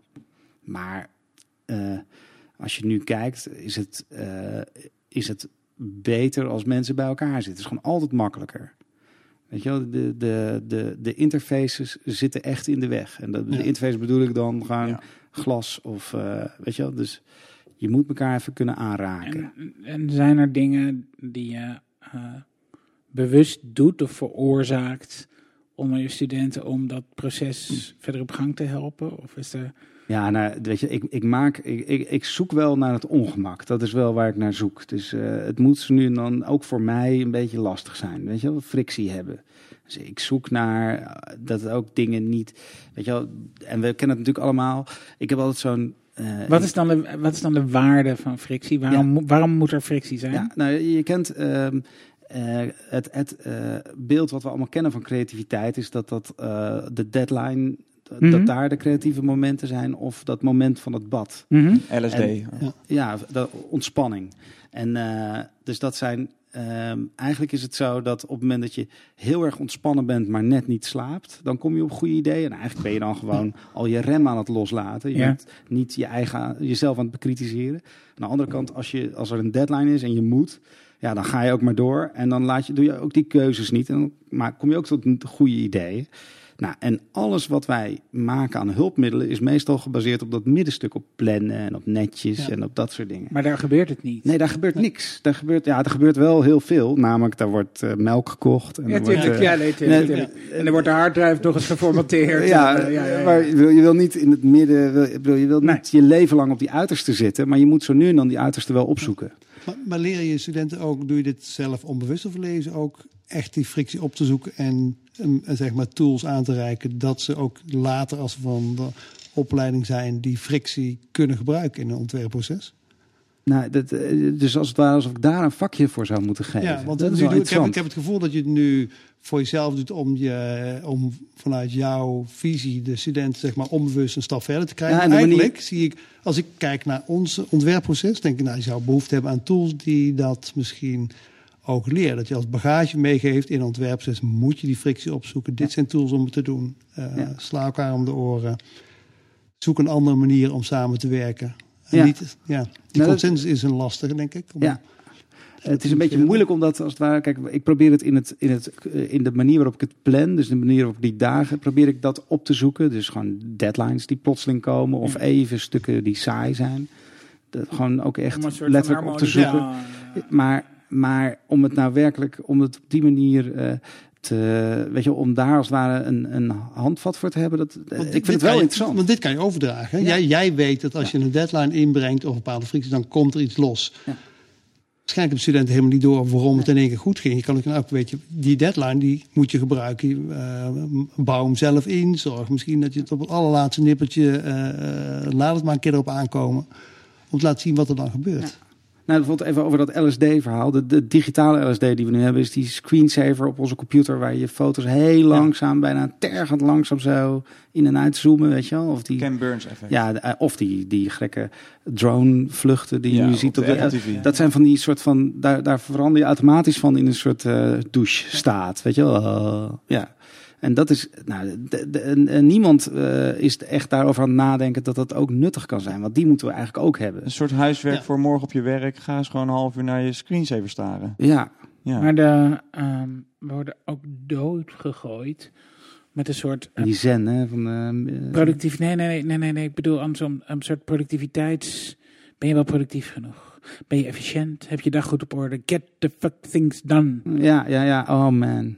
Dus, ja, ik lees ze allemaal wel. ik en ook. heerlijk, hè, en dus ik heb, het niet. Nee, dat heb ik ook. Ja, dus ik weet precies geen, hoe het eh, zou moeten. Geen Pomodoro-techniek, eh, Nee, jongens? nee, no way.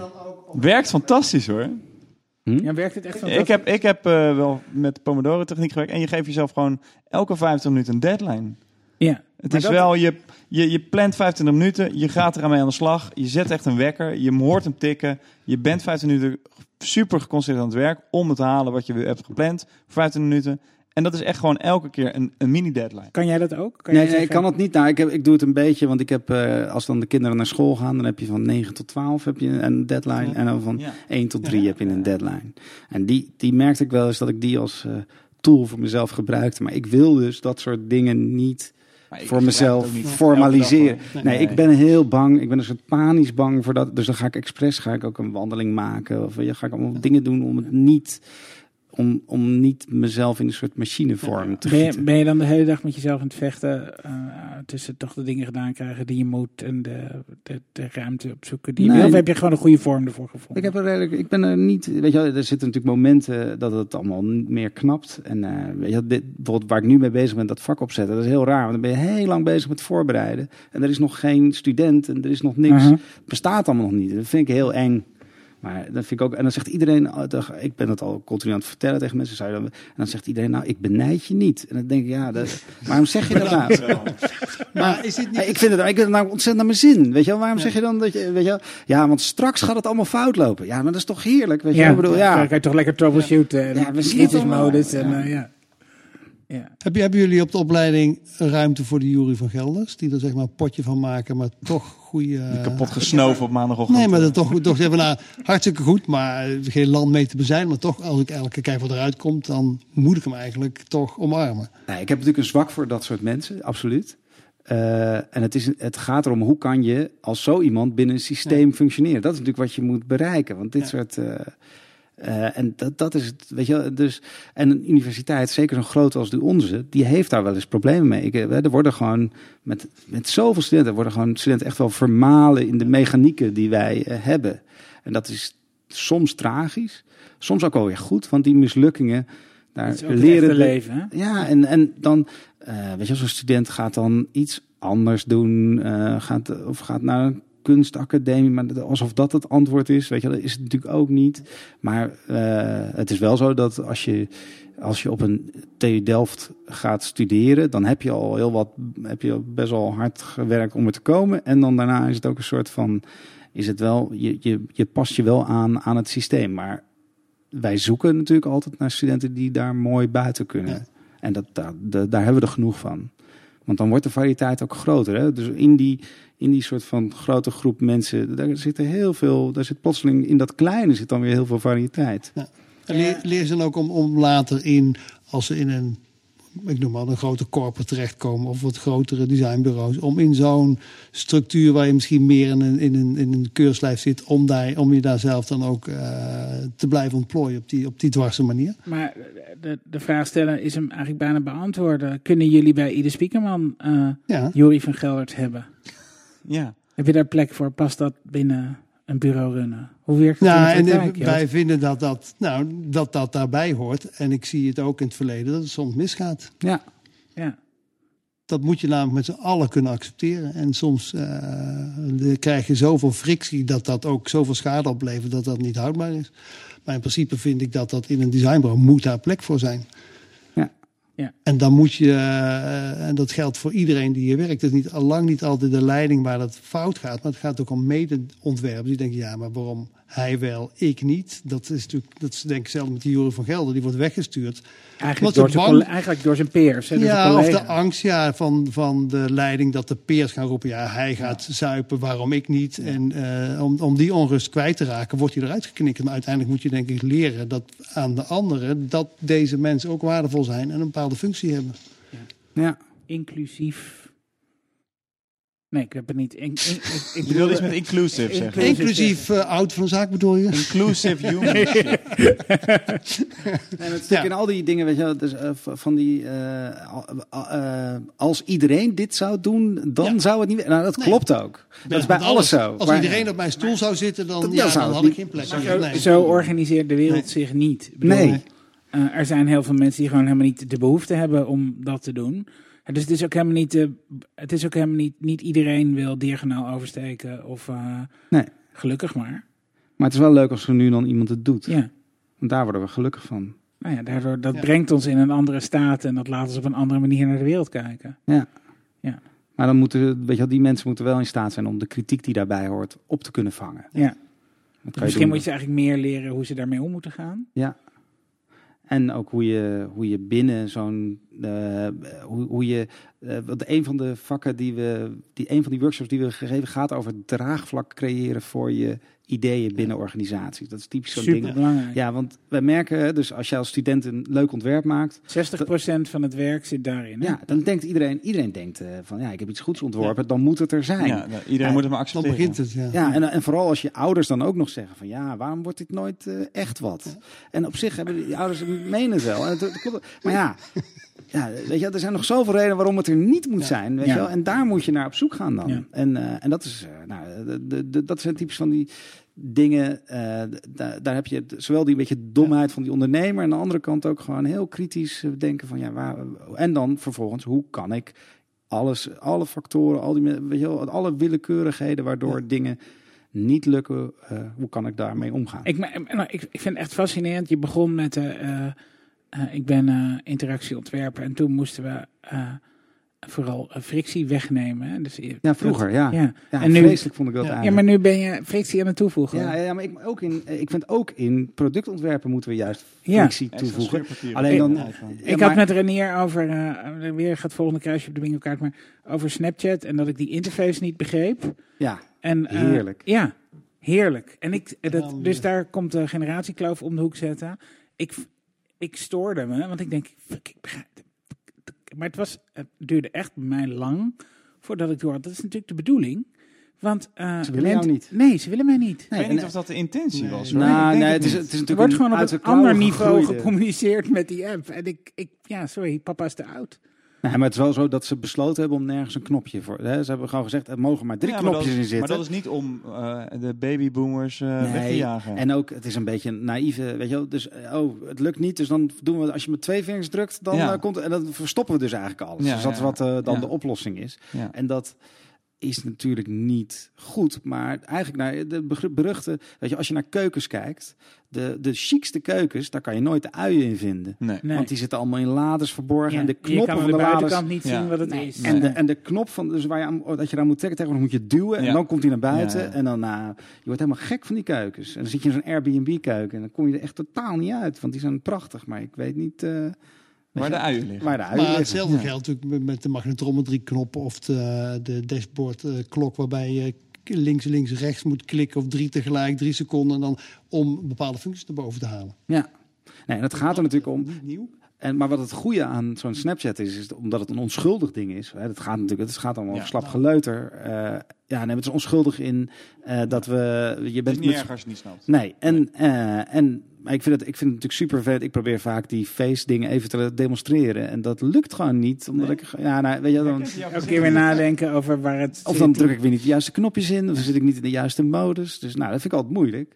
En dat vind ik jammer. Wat, dat- ik, wat ik heel mooi vind, is het beloont eh, onderzoekend gedrag. Ja. Dus eh, eh, iedereen die op Snapchat zit, heeft zeg maar eh, eh, zelf moeten ontdekken hoe het in elkaar zit. Er worden Ja. nieuwe features toegevoegd. Je weet Dat ook niet wanneer en je weet niet waar ze zitten. Als je, als je een het soort ontdekt treasure hebt, hunt is ja, het. Ja. is voldoening. Precies. En dat wat- vind ik heel, dat is dus heel slim bedacht. Precies, maar dat betekent dus dat je ervoor moet zorgen dat mensen zich wel slim voelen als ze het gebruiken. En Ja. niet, jij voelt je jezelf je dom. ze. Ja, maar misschien ben ik ook niet, eh, hoef ik niet eh, re- regenbogen te spugen of geld te kotsen. Of, Ja, dat moet ik wel. Ja, Maar nee, maar de, de, de grap is dat ik, als, een product, als een product ervoor zorgt dat je je Ik maak Ah, even een heel goed, ja, supergoed. oké. Die komt in, eh, in de stream. En eh, nee, maar als je, iets, als je een product maakt waar mensen het idee hebben dat ze dom zijn, dan is het eigenlijk niet zo. Weet je, dan heb je wel echt een Ja. probleempje. Dat is Ja. te moeilijk. Ja. En, eh, dus, maar ja, dan- bij Snapchat is dat wel een, is dat een probleem wat ze een beetje uitgebuit hebben door te zeggen: nee, maar het is niet voor jou bedoeld.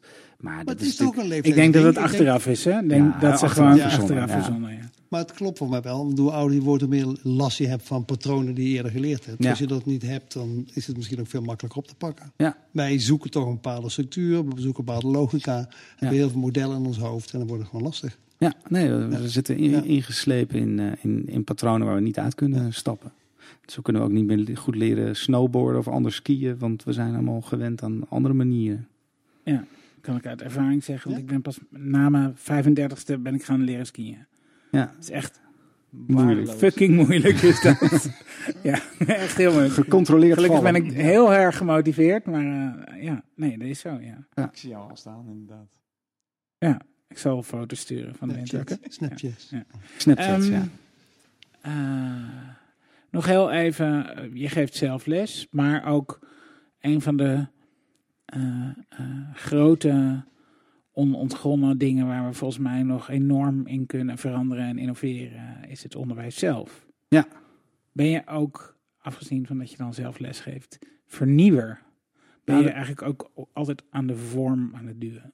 Ja, nou, ik, ben, ik ben typisch een formatenman. Hè? Dus eh, ik denk dat eh, de, de, eh, wij, we zoeken altijd naar eh, manieren om, weet je wel, dus eigenlijk zo'n, eh, zo'n eh, tegenwoordig die MOOCs en Flip the Classrooms, dat zijn eigenlijk ook allemaal formaatjes waar we naar zoeken. En dat is een beetje vergelijkbaar met reality TV en al die. En zo nu en dan beginnen die genres beginnen, beginnen ook met elkaar te vechten en te ruzien.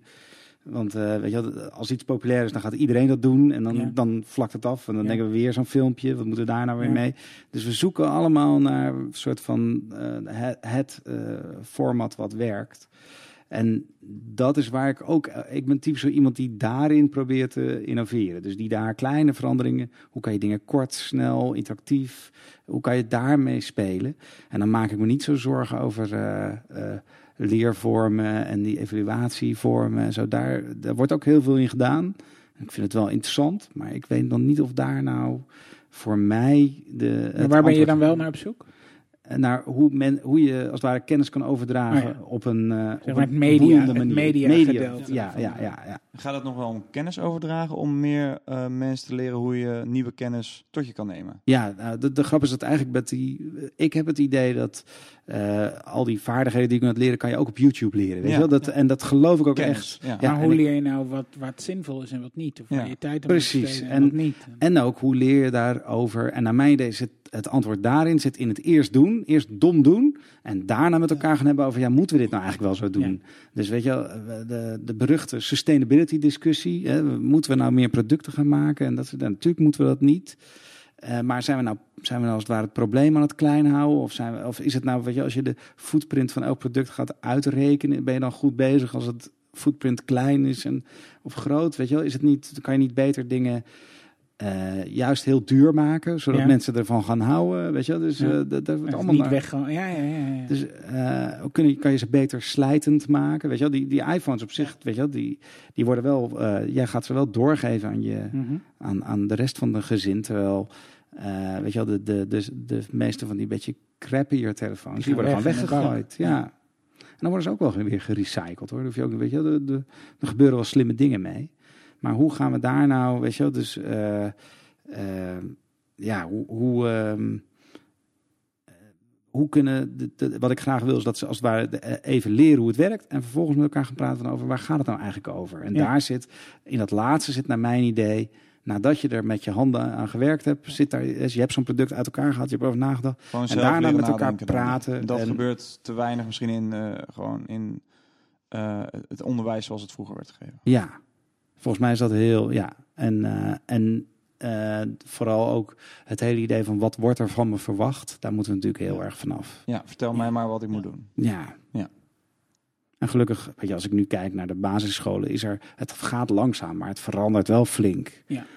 Want als je mijn opa, een opa naar binnen stuurt, zegt hij, vroeger was toch alles wel flink anders. Ja, dat is ook zo, Ja, weet je. Er wordt gewoon, maar. Ja, Maar hebben, hebben, hebben de studenten moeite mee als ze binnenkomen? Dat ze dat, nou, ik, die houding nog hebben van de middelbare school?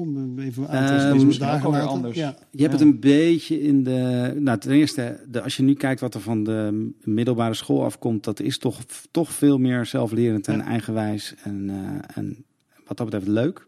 Maar even, sorry, hoor, maar even om er wat perspectief aan te geven. Je geeft les op eh, de TU Delft. Ja, Volgens mij eh, moet je iets aan toelating doen voordat je erop mag, want het is super gewild. Ja. Dus laten we. Het is, nou, maar ik heb ook op de Willem de Koning Academie ook toegang. eh, maar, maar weet je, je merkt wel dat. Het is- is, als je, ik heb het idee dat als je kijkt in jaren, dat ze wel. dat studenten, dat leerlingen wel vrijer worden.